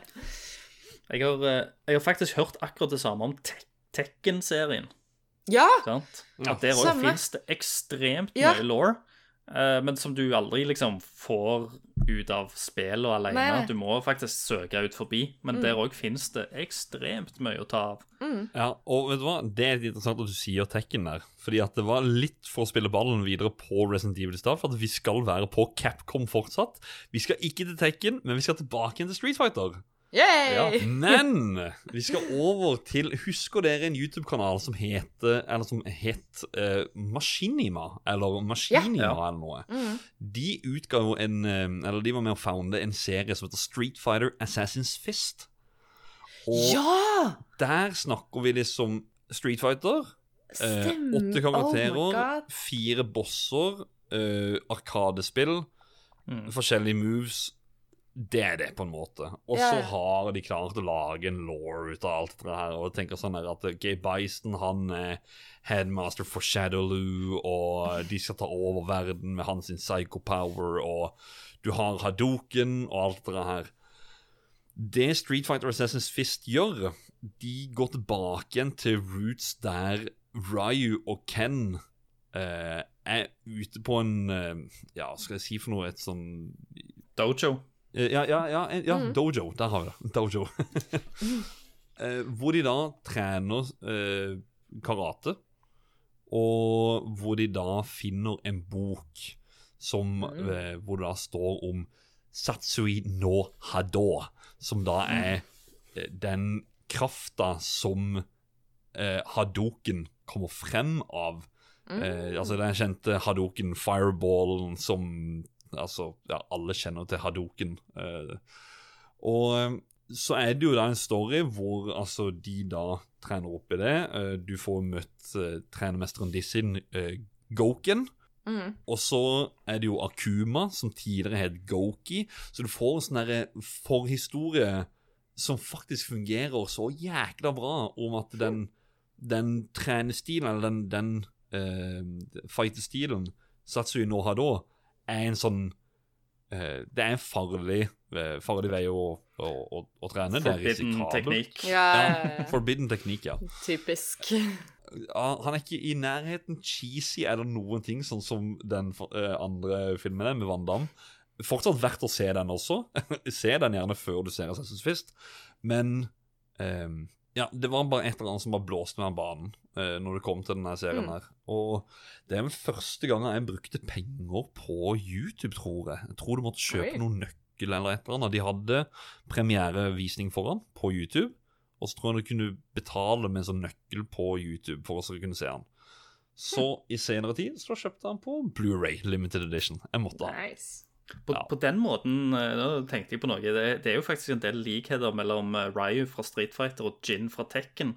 For begge på en måte lik, eh, Ja, ja, liker jo liksom å, å floppe mellom good og evil side. Ja, og liksom faktisk. kjempe Mm. må ikke liksom miste kontroll Ja, og bli helt uh, galne. ja, for at det, det er jo det som også er det, at ja, Ryu prøver seg på dette her, men uh, en ser at eh, det kommer litt Akuma i han òg. Ja. Så det, men så er det litt sånn nære. Du har eh, diverse eh, easter eggs av type eh, karakterer som dukker opp, og så Å ja, det er han som faktisk har lagd Street Fighter 4, blant annet. Ja, litt sånn cameos her og der. Eh, artig serie. Sjekk den ut. Det er en Det er jo en miniserie, så jeg vet ikke om ca. 20 episoder eller noe, og så er det på to og en halv time totalt. Så du, du ser det på en kveld, hvis du vil. En morsom ting jeg kom på her i farta. Jeg hadde jo en gang kjøpt eh, en DVD med den Final Fantasy 7-filmen. Eh, Advent Children. Ja. Yes. Det jeg kom på nå, at faderen en gang lånte det- den DVD-en. Han har sett den filmen. Men jeg vet ikke hva han syns om den, og jeg lurer på om han skjønte noe som helst ut av den filmen. Nei, altså, altså Mest van, fanservices fanservice til filmen of all time, liksom. Men Den må va være bra å vanlige se. fans skjønner det jo ikke engang. Nei, nei, nei. Sant? Jeg skjønte ikke er- filmen, og så lurer på hva faderen tenkte om den filmen der. Det skulle jeg gjerne ha visst. Jeg vet at han har sett den. Jeg har kjøpt den to ganger. En gang på, på vanlig DVD, og så kom han i sånn en complete edition der det var sånn 20 minutter ekstra, Uh, eller noe Ja. sånt. Jeg det endre Og- slutten og Og jeg skal love deg, den derre sluttkampen Jeg satt der? Altså, herregud, for en kamp det er. Filmen i sin helhet, eh. Men altså, å se den der sluttkampen Å, fy faen. En liten ting Jeg til, får- da. jeg får frysninger. Jeg husker en eh, skikkelig hype-ting. Jeg hadde jo ikke spilt Fine Fantasy på den tida, og det kom en sånn animert uh, Fine Fantasy-film på The Spirits Within. Ja, Ja. Herregud. Den, den holdt jo på å senke hele Square Enix, Ja. hele selskapet. De hadde jo putta så mye penger inn i det. Den Eh, filmen og eh, Ja.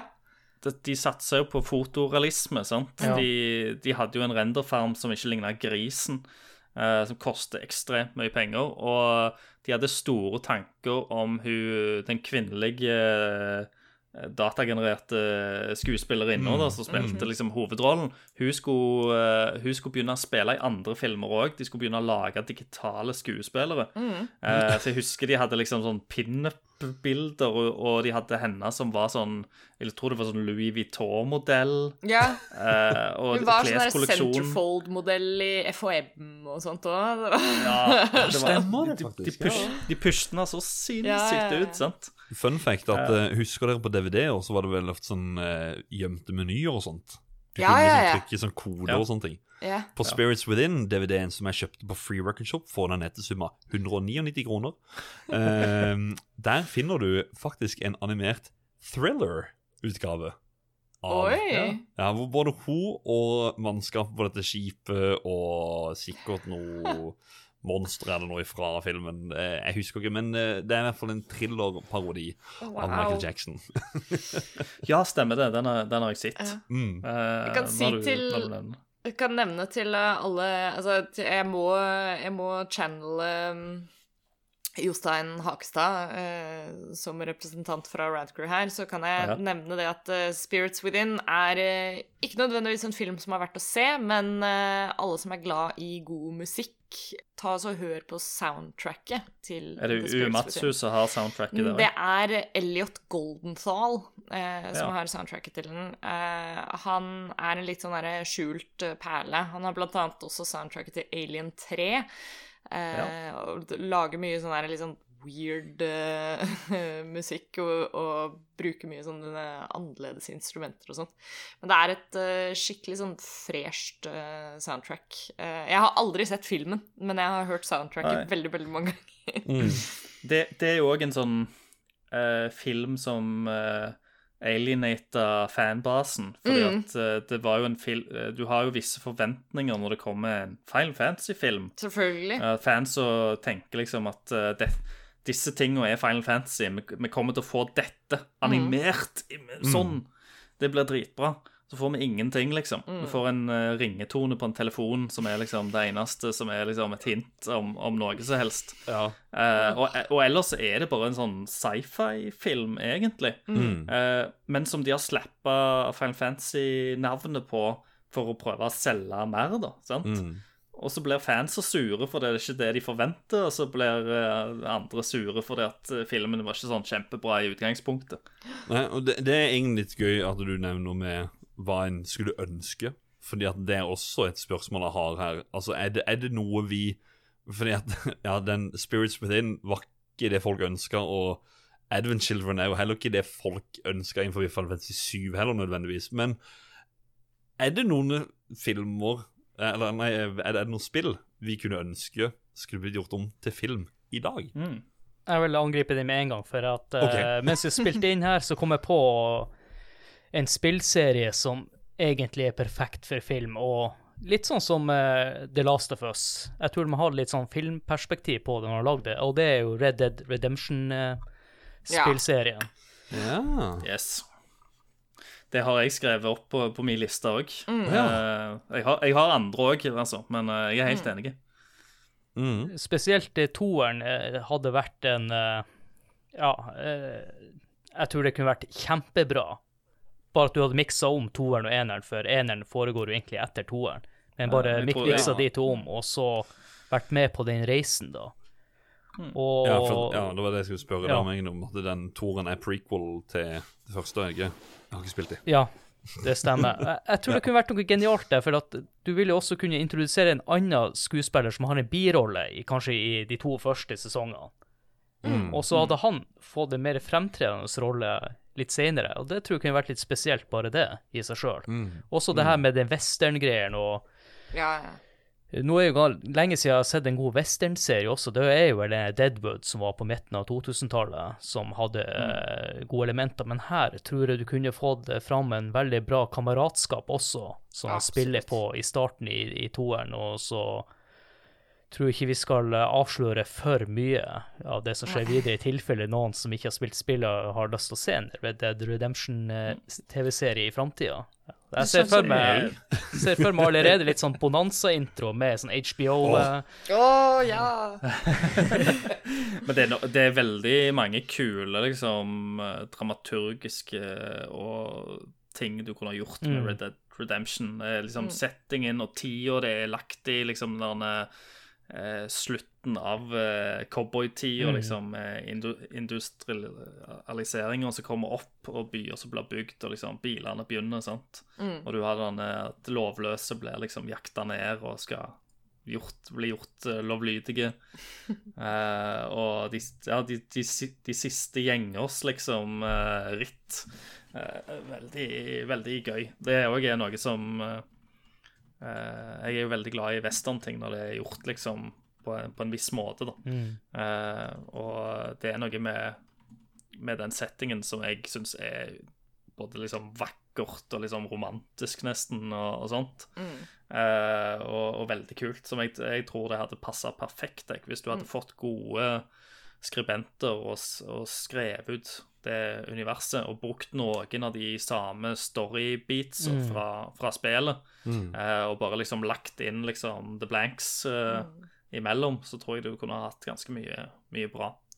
Ja, open world-spill generelt eh, lender seg jo egentlig ganske bra til eh, Om ikke film, så i hvert fall TV-serieformatet, da. Altså, fordi da har du et eh, Du har et så vidt spekter av ting å ta av, men samtidig så trenger du ikke nødvendigvis å falle i den fella at du liksom Storyen er der allerede, på en måte.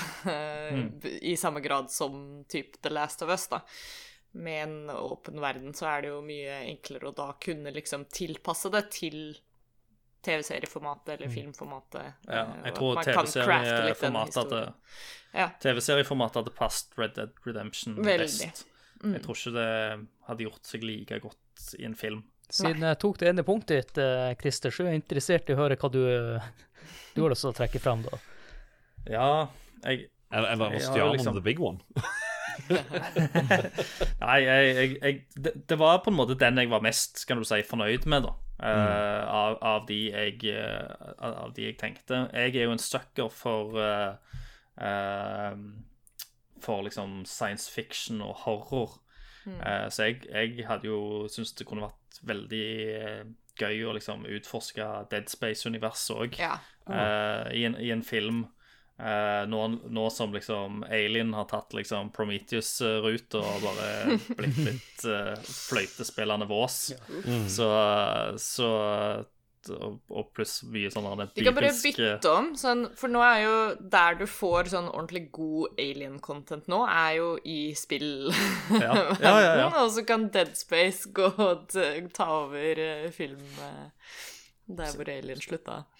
Og, og jeg tror ikke Og det her òg, jeg tror ikke nødvendigvis at uh, du trenger å, å bruke uh, direkte historien fra spillet. Du trenger ikke følge Isaac uh, nødvendigvis, Du kan bare ta det universet, liksom. du kan ta det universet, da, og, ja, og, og det monsterdesignet, og lage en, en ny liksom horrorhistorie ute liksom i verdensrommet, der de møter på et eller annet, der de møter gjerne på disse her eh, 2001 Space Odyssey-tingen. Mo- Monolitten. Monolitten, ja. Sant? Når de finner det. Mm. Eh, jeg er litt sånn svak for det. Eh, ellers så kan jeg nevne kjapt eh, at jeg eh, ville gjerne sett en veldig sånn eh, Helt motsatt retning, sant, egentlig.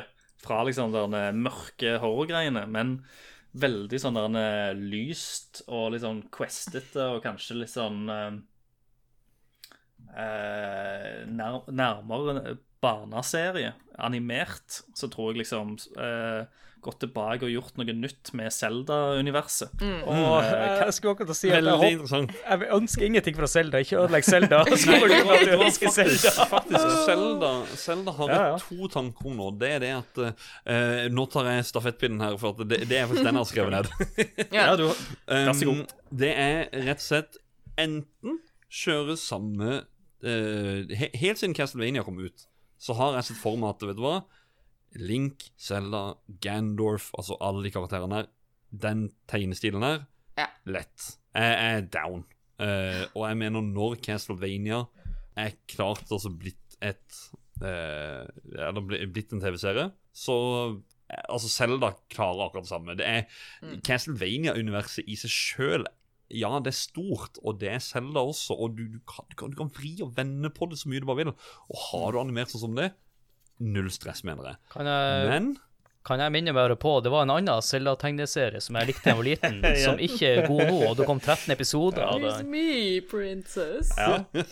Men det er så lenge siden, og, og jeg, jeg tror at det, det er poten, potensialet der. Eh, oh, absolutt. Enten, en, enten så kan du liksom gå litt sånn uh, Windwaker-routen og gjøre det veldig sånn lyst og, og whimsical og liksom tilgjengelig for alle. Eh, men med liksom selvfølgelig litt spenningsmomenter. Eh, og, og at liksom Link drar på eventyr på havet, liksom. Uh, og så Eller så kan du gå liksom de gode, gamle Nintendo Power-tegneseriene fra Link to the Past, som var mye mørkere. Der du liksom uh, skulle samle disse medaljene, og prinsessa var liksom forsvunnet. Og er litt mer sånn mystisk. Eh, som, som, jeg òg som er litt mer i denne ruta som du beskriver her, da, Håkon. Ja, og så er jeg litt på den derre Sånn som de holder på nå med den nye Super Mario-filmen, så er jeg litt på Altså, jeg tvilte så mye på det der, for det var liksom det der med de der Minions-folka og alt sammen. at Det bare, altså, seriøst, nå, nå får vi et eller annet som bare bommer. Og altså, jeg er så hype for den der Mario-filmen, og jeg var sånn Huh. Jeg, jeg tror faktisk vi kan finne et eller annet Zelda-greier og ta, inn- ta inn litt av den der gamle som var med i Super Mario Brothers Super Show, eh, den der eh, tegnefilmen fra 90-tallet. De kan hente litt ifra den, og så ta det litt sånn ja, Jeg vet ikke. Håkon, du vil ikke ha med gamle Captain N og verdens verste eh, Simon Captain og verdens skumleste Mother Brain og Ja, han de, er- som har røyka litt for mange sigarer. Uh, ja. Ja, og ja, nei da, nei, men det, det er um, uh, Det er i grunnen det. Da gir jeg stafettpinnen videre til deg, da. Og så Ja. Hva er eh, du ønsker?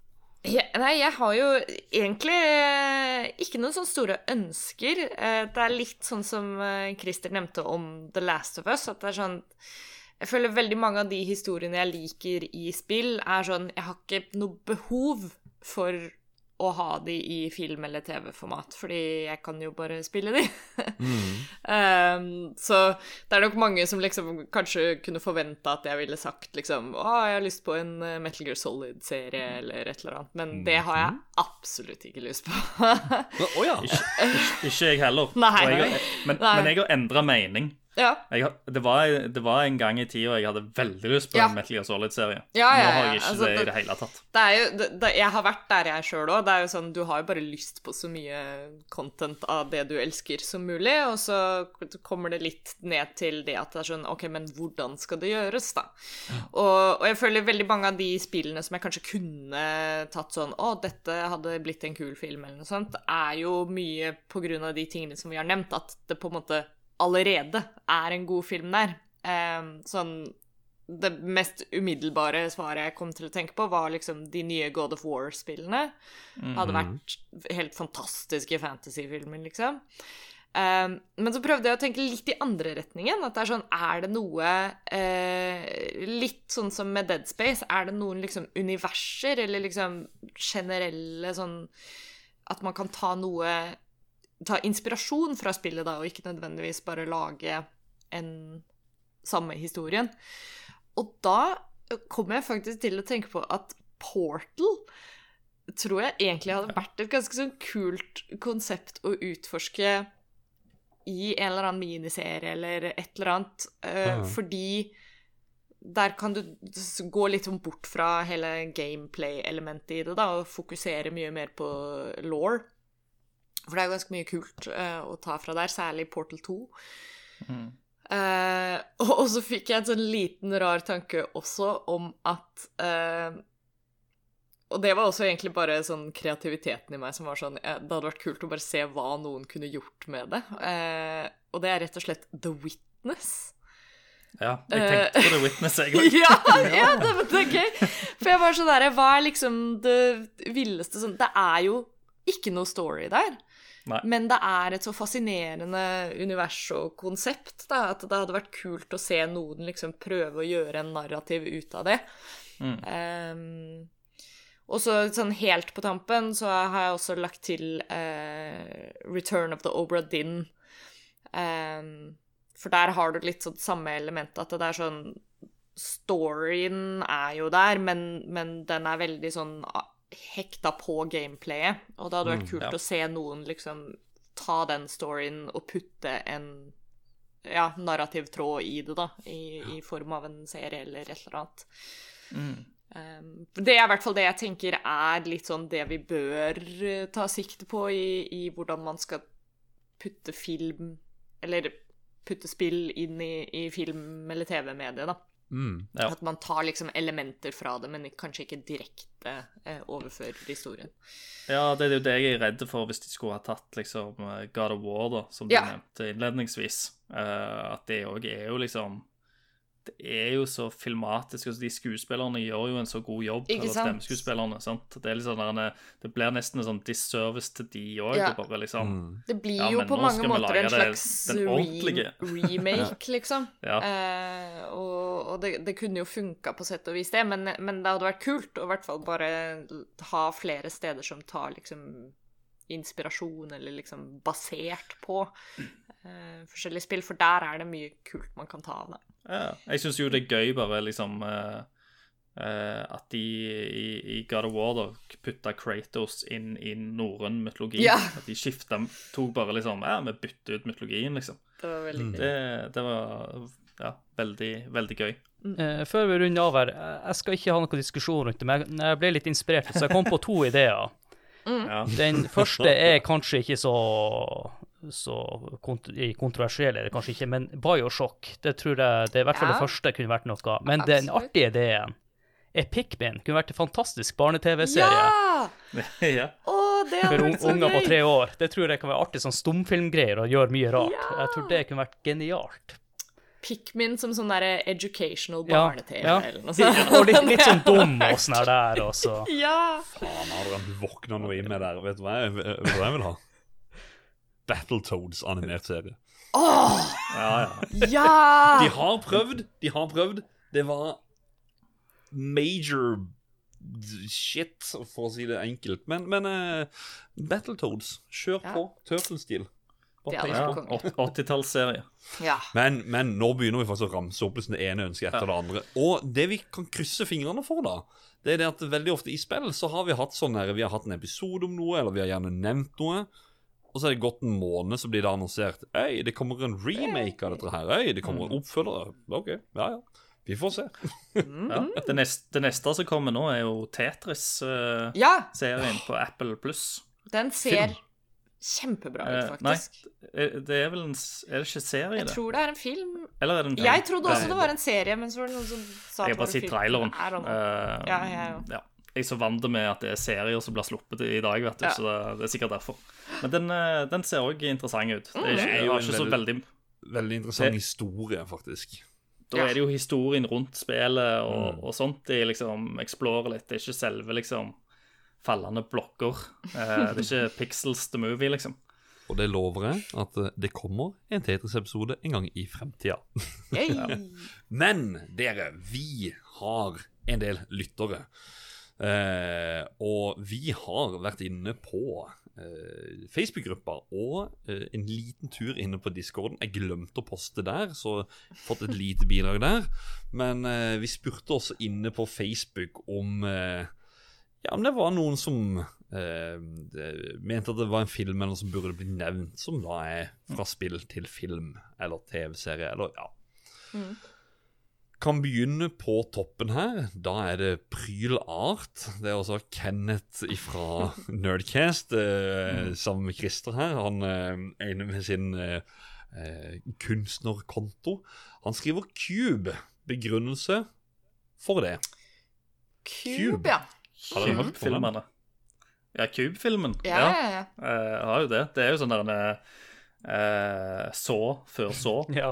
Det er sånne døds, eh, dødsfeller. Et team Stemmer som blir ja. liksom fa fanga inn i sånne eh, gigantisk kuper som driver og skifter rom og driver og skifter Ja, rundt omkring. Den er wild, den. Du kunne ikke fått det mer Kenneth enn en det. Jeg tror de Det er basert på Rubiks kube. Ja, Så ja. Ja.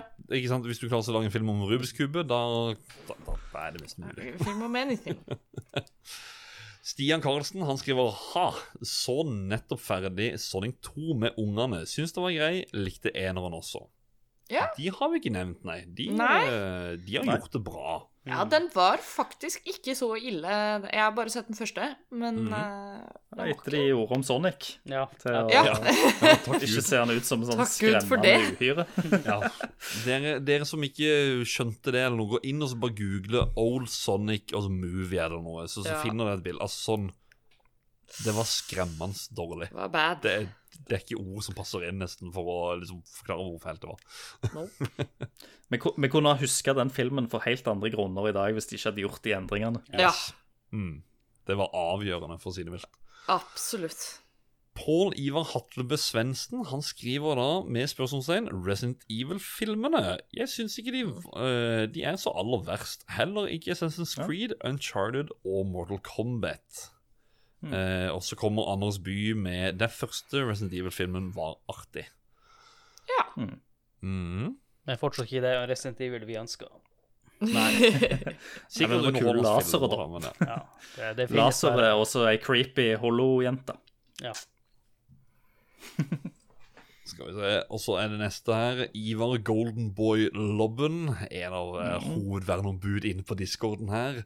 Uh, han er Fellesnevneren er vel at majoriteten uh, er skrot og bortkastet tid. Men en sjelden gang nå og da dukker det opp noen som er verdt å se.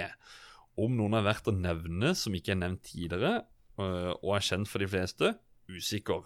Men jeg kan nevne en som er ganske spent på kommende film. Det er Gran Turismo. Han var med i bilspillepisoden, så eh, og, og de, som, de som kjenner til Ivar eh, ellers vet at han er veldig bilinteressert, så den eh, Men det er interessant, ja. Gran Mm. Turismo, som er en sånn bilsimulatorspill. Han Vin Ja, det, Diesel det må jo kan de jo spille det. gjøre. Der kan de jo gjøre hva som helst, Ja, ikke sant? Sant? Så der Man er- bruker bare merkevaren, og så Ja. Ja. Vin Diesel det- må gjøre Jeg vil si jeg Vin kan gå begge Diesel veier. sammen med han, eh, han som spilte i Gone in 60 Seconds, han uh, må dere hjelpe Nicolas med. Cage. I Nicolas Cage. De to som duo. Ja, du vil ikke ha.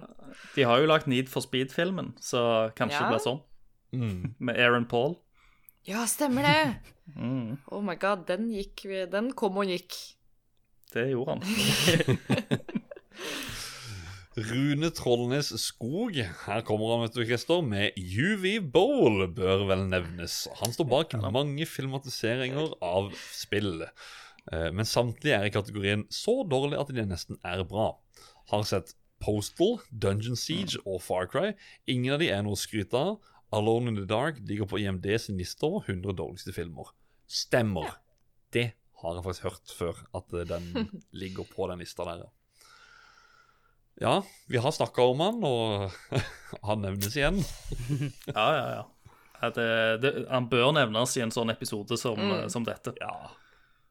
Skal vi se Otto Erlend Gregersen. Han kommer med gamle karakterer som vi fikk på skolen. Det var før min tid. Da skriver han at begge Sonic-filmene er G pluss. SSS Creed likeså. Uncharted det er en G minus. Gleder meg til å se uh, Mario-filmen som kommer. Ja. Det Enkelt og greit. gleder meg, jeg òg. Eh, Uncharted-filmen var vel bare origins-historien til hvordan Sully fikk barten sin. Ja. Så Stemmer Det det. trengte jo en film, det farten, Ja. ja. Eh, Roger Greve har jo blitt litt vant med å bli skuffet av filmer adaptert fra spill. Uh, hadde selv spesielt store forventninger til første Hitman-filmen, i hvert fall. Eh, den hadde gode forutsetninger, både med valg av skuespillere osv. Men jeg driver jo tydeligvis fortsatt og har store forventninger til slikt. Nå gleder jeg meg til både Mario-filmen og til Tetris-filmen, selv om den kanskje ikke faller direkte inn i kategorien.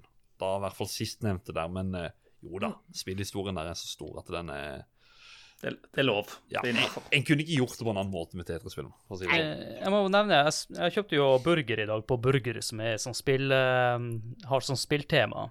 Og han som jobber der, han nevnte til meg at uh, broren til han Christopher Nolan skulle, var med og skulle skrive Fallout-TV-serie. Oi. Oi! Så, så det. Fallout-universet òg er jo interessant. Ja, det er det, absolutt. det er av, av noe som jeg kunne tenkt meg å sitte. Uh, der er det mye, mye å ta av. Og, og her òg, selvfølgelig, med helt nye karakterer. Og eh, det eneste er settingen med disse Waltz og, og, og Dommedag. Uh, det hadde vært uh, Det kan bli veldig gøy. Og det kan òg bli veldig drit. Ja, det er enten eller. Ja. Mm. Nå har vi en siste her, og eh, jeg ville egentlig nevne han når jeg nevnte mitt første møte med, med, med film alt sammen, men eh, han kommer i kommentarfeltet her. Stian Olsen. Som noen av dere vet, så har jeg en eh, forkjærlighet for Super Mario Bros.-filmen fra 1993. vet ikke hvorfor, men den er bare helt rå, selv om den ikke har noe med spillet å gjøre. Kanskje det er skuespillerne, eller, eller det at den er som en blanding av flere 80-tallsklassikere som bare gjør at jeg liker den. Jeg vet Stian Olsen, han har eh, jakke eh, som er fra Z. sett. Eh, han har lagt ut mye Oh, bilder av det her på Instagram. Eh, han har actionfigurene eh, fortsatt i plastikk. Eh, Det, Wow. ja, det kom actionfigurer. Han har dritmye fra den filmen der, og eh, nå husker jeg ikke nøyaktig hva han heter for noe på Instagram. Eh, jeg kan sikkert kommentere med det, men eh, Instagrammen hans er full av sånne moro-ting fra den filmen der. Så Han er stor fan. Dedication. Ja. Eh, så spurte vi inn på Discorden også, og der kom Molmen, og han skriver film til spill. Og snakker da om Ghostbusters til Commodore 64. Han hadde lest motsatt, så, så jeg, skrev da, jeg skrev da at det er motsatt. Det er spill til film. Han bare Nei, fuck, det begynner å bli en gjenganger, dette. Jeg gir opp. Men han nevnte i hvert fall Ghostbusters til Commodore 64. Så det var det det bidraget vi fikk på Discorden. Det var jo en god bunke, dette. Absolutt. Det er et par filmer vi ikke hadde nevnt òg, faktisk. Noe vi har nevnt, og Det er jo Ja, masse Ja, det, er det, er, det, er, det er mange filmer vi ikke har, har, har nevnt. vi, Men eh, vi burde jo kanskje lagd en del to da i framtida med filmer som i hvert fall ikke bør se dagens lys igjen, eller noe sånt. Ja, ja, ja. det, det, det er Det er nok, nok å ta å ta der òg, ja. ja. Kanskje vi fire lager en episode som heter 'Enda flere spill til film'. Ja, for eksempel. Og, En og, liten og, og kanskje når vi lager den episoden, så, så er det i ei framtid der Super Mario Bros.-filmen har spilt inn eh, og, og tjent så sinnssykt mye på box office at han er i, all, i alle fall den eh, spill til film eh, filmen som har tjent mest penger. Ja, bra. jeg- jeg tror, du skal ikke se bort tror- fra det. Jeg tror den Det er liksom eh, min bet, at den kommer til å tjene ganske mye eh, Og den, penger, altså. det at den filmen tjener godt, det er inngangsbilletten til denne animerte Zelda-serien dere ønsker dere. Og, pi- Ja, og, og Pikmin-barne-TV-serien. Ja! Og jeg sier med de flotte ord som Blodstrupmoen sier i Flåklypa Teamet vil show. Vi kommer mot avslutninga av episoden. Eh, vi snakker alltid om litt plugging av diverse Altså, vi pleier å plugge vårt, men Christer og Ida, som tidligere nevnt, dere driver jo med andre ting. Ida, vil du eh, fortelle hvor, andre folk, eller hvor folk kan høre deg ellers? Ja, de, det er jo på Radcrew, da. Radcrew.net. Eh, hovedsakelig Radcrew Neon er der jeg eh, holder til. Eh, der kan dere høre, høre meg hvis dere vil. Uh, og hvis dere ikke vil høre på meg, så kan dere høre på de andre tingene på Radcrew. Noen ganger dukker jeg opp der også. så dere slipper ikke unna uansett. Uh, og så hvis dere vil, uh, vil følge med på meg ellers, så er jeg litt uh, aktiv på Twitter i hvert fall. Eh, på at uhorvelig heter jeg der. Jeg må bare si at jeg tror fortsatt Twitter er gamle Facebook, der du bare slenger ut en haug med statuser som du gjorde Ja, på, ja, i det, altså, jeg, 2010. jeg vet ikke helt hva jeg holder på med der. Eh, men, men ja, det, det er bare å følge med. Det, av og til kommer det en eller annen morsom joke. Ja, Spill prøver å være litt på Twitter. Ja, det er vel jeg som slenger ut noen likes på litt forskjellige ting, og så Ikke sant? that's it. Ja, ja. Og Christer, du holder på med Nerdcast også, men, Ja. men du har jo mye mer annet. Jeg snakker om film. Ja. Ja, ja, ja. Eh, selvfølgelig. Hvis du, hvis du har lyst til å høre stemmen min ca. én gang i halvåret, så kan du jo følge Nerdcast. Eh, Vi gjør ikke ut så ma mange episoder eh, eller så ofte lenger, men eh, i ny og ne. Du er Eh, jo Og så er det jo et, jo- er det jo et bibliotek der. Ja, og du er jo faktisk nesten mer på spill nå enn du er på Nerdcast. Ja, ja faktisk. Eh, bare følg med på spill videre, så hører du sikkert stemmen min oftere enn på Nerdcast, faktisk. Ja. Absolutt. Eh, men som du sier, Håkon, jeg driver jo på med litt andre ting òg. Jeg var med og lagde en dokumentarfilm. Uh, hele, Hellengdes. Så jeg tenkte jeg kunne plugge den litt òg. Den heter Kodenavn Nagasaki. Vunnet litt oh, ja. priser rundt omkring i verden. Eh, den ligger den ute om, tilgjengelig på, på nettet. eh, på Filmbib, som egentlig er biblioteket sine nettsider. Mm. der, kan, der kan du eh, Alle som har nasjonalt lånekort på biblioteket, eh, kan leie den digitalt og se den filmen på filmbib.no. Eh, og hvis ikke, så tror jeg faktisk vi har en avtale med Altibox òg. Uh, så der den, men den, der tror jeg det koster litt penger for å leie den og, og se den. Uh, men eh, ja. Så det er, det er vel egentlig det som er til, tilgjengelig. Og så går det jo alltid an å google enten navnet mitt eller navnet på Fredrik Hane. eh, for de som er litt mer eh, interessert i å se masse litt sånn obskure kortfilmer og musikkvideoer i liksom science fiction og horrorsjangeren. Jeg har jo sett alt som tidligere. Nå er det jo Nå nærmere det seg vel ti år siden jeg ble kjent med deg, og jeg har jo jevnt og trutt sett de filmene som du har lagd siden da, og fått de oppe på feeden og alt sammen. Og ja, kodenavn Nagasaki, som du nevnte der, fantastisk film. Uh, hatten av. Jeg storkost med. Anbefaler alle å sjekke den ut. De aller beste filmene til han Christer er jo de Nerdcast Drinking Special-videoene fra 2010. Ikke minst. Dem er, dem er legendarisk. Oh, Ja, fantastisk. Finnes på YouTube. De Ja, òg. Skal aldri tas ned. Nei, sjekk det ut, folkens. Og Adrian, du ber alltid med om å plugge spill, men eh, skal du ha æren? Ja, Eller skal jeg, jeg jeg, ta kan det? jo, jeg kan jo gjøre det, siden vi har blanda litt om på rollene fra starten til hovedspalten. Så kan jo jeg ta din rolle. Eh, vil du ha sweet eh, spillmerch med lo... Dere hører allerede hvor utrent det er. Vil dere ha sweet merch med spellogen på, kaffekopp, T-skjorte, gensere, you name it, så gå inn på vår eh, Spreadshop-butikk. Dere finner det inne på eh, enten i link i selve episodebeskrivelsen eller på vår Facebook-side. Der skal alle linkene være. Og måten å støtte oss på er jo å tipse venner og bekjente om podkasten. Og dere er også hjertelig velkommen til å joine vår community på Discord og spill-community-gruppa vår på Facebook. Og hvis dere hører at jeg prater fort nå, er det fordi at jeg har sjelden jeg gjør det her. Eh, gjerne også sjekk ut eh, våre samarbeidspartnere i Lolbua Inc., som er Lolbua, Ragequit og Lico, Licos univers med gjedda. Så ønsker vi også å rekke en stor takk til han Joakim Froholt, som lager artikler til samtlige episoder vi legger ut på spillhistorie.no.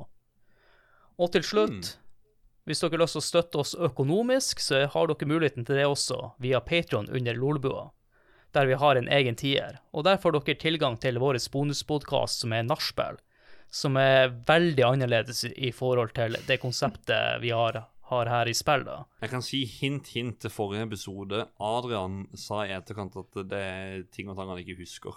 Så det er, det er nachspiel. Det Det, det, det, ligger i navnet. Jeg tror også jeg sa underveis at jeg begynte å bli full i den episoden. så. Du gjorde det. Og jeg begynner å bli full nå. Men ja, da uh, gjenstår det egentlig bare å takke deg, Christer, for at du var med. Bare hyggelig. Det er alltid en glede. Ja, Og tusen takk til deg, Ida, for å være med. Nei, det skulle bare mangle. Det er intet bedre å gjøre på en, en ymse kveld som dette. Og takk til deg, Adrian, for at uh, vi har delt programlederrollen. Vi begynte, du begynte, jeg tok over. Jeg vet ikke. Det ble som blanda. Ja, takk til meg, og det er jo litt sånn freestyling, men jeg har lyst til at du skal ta ja. mitt sitat nå på slutten her, eh, før du takker av. Eller etter du takker av. Ja, eh, og takk for meg. Og on that bombshell, så eh, Ja, da gjenstår det bare å si ha det! Ha det. Bye. Bye.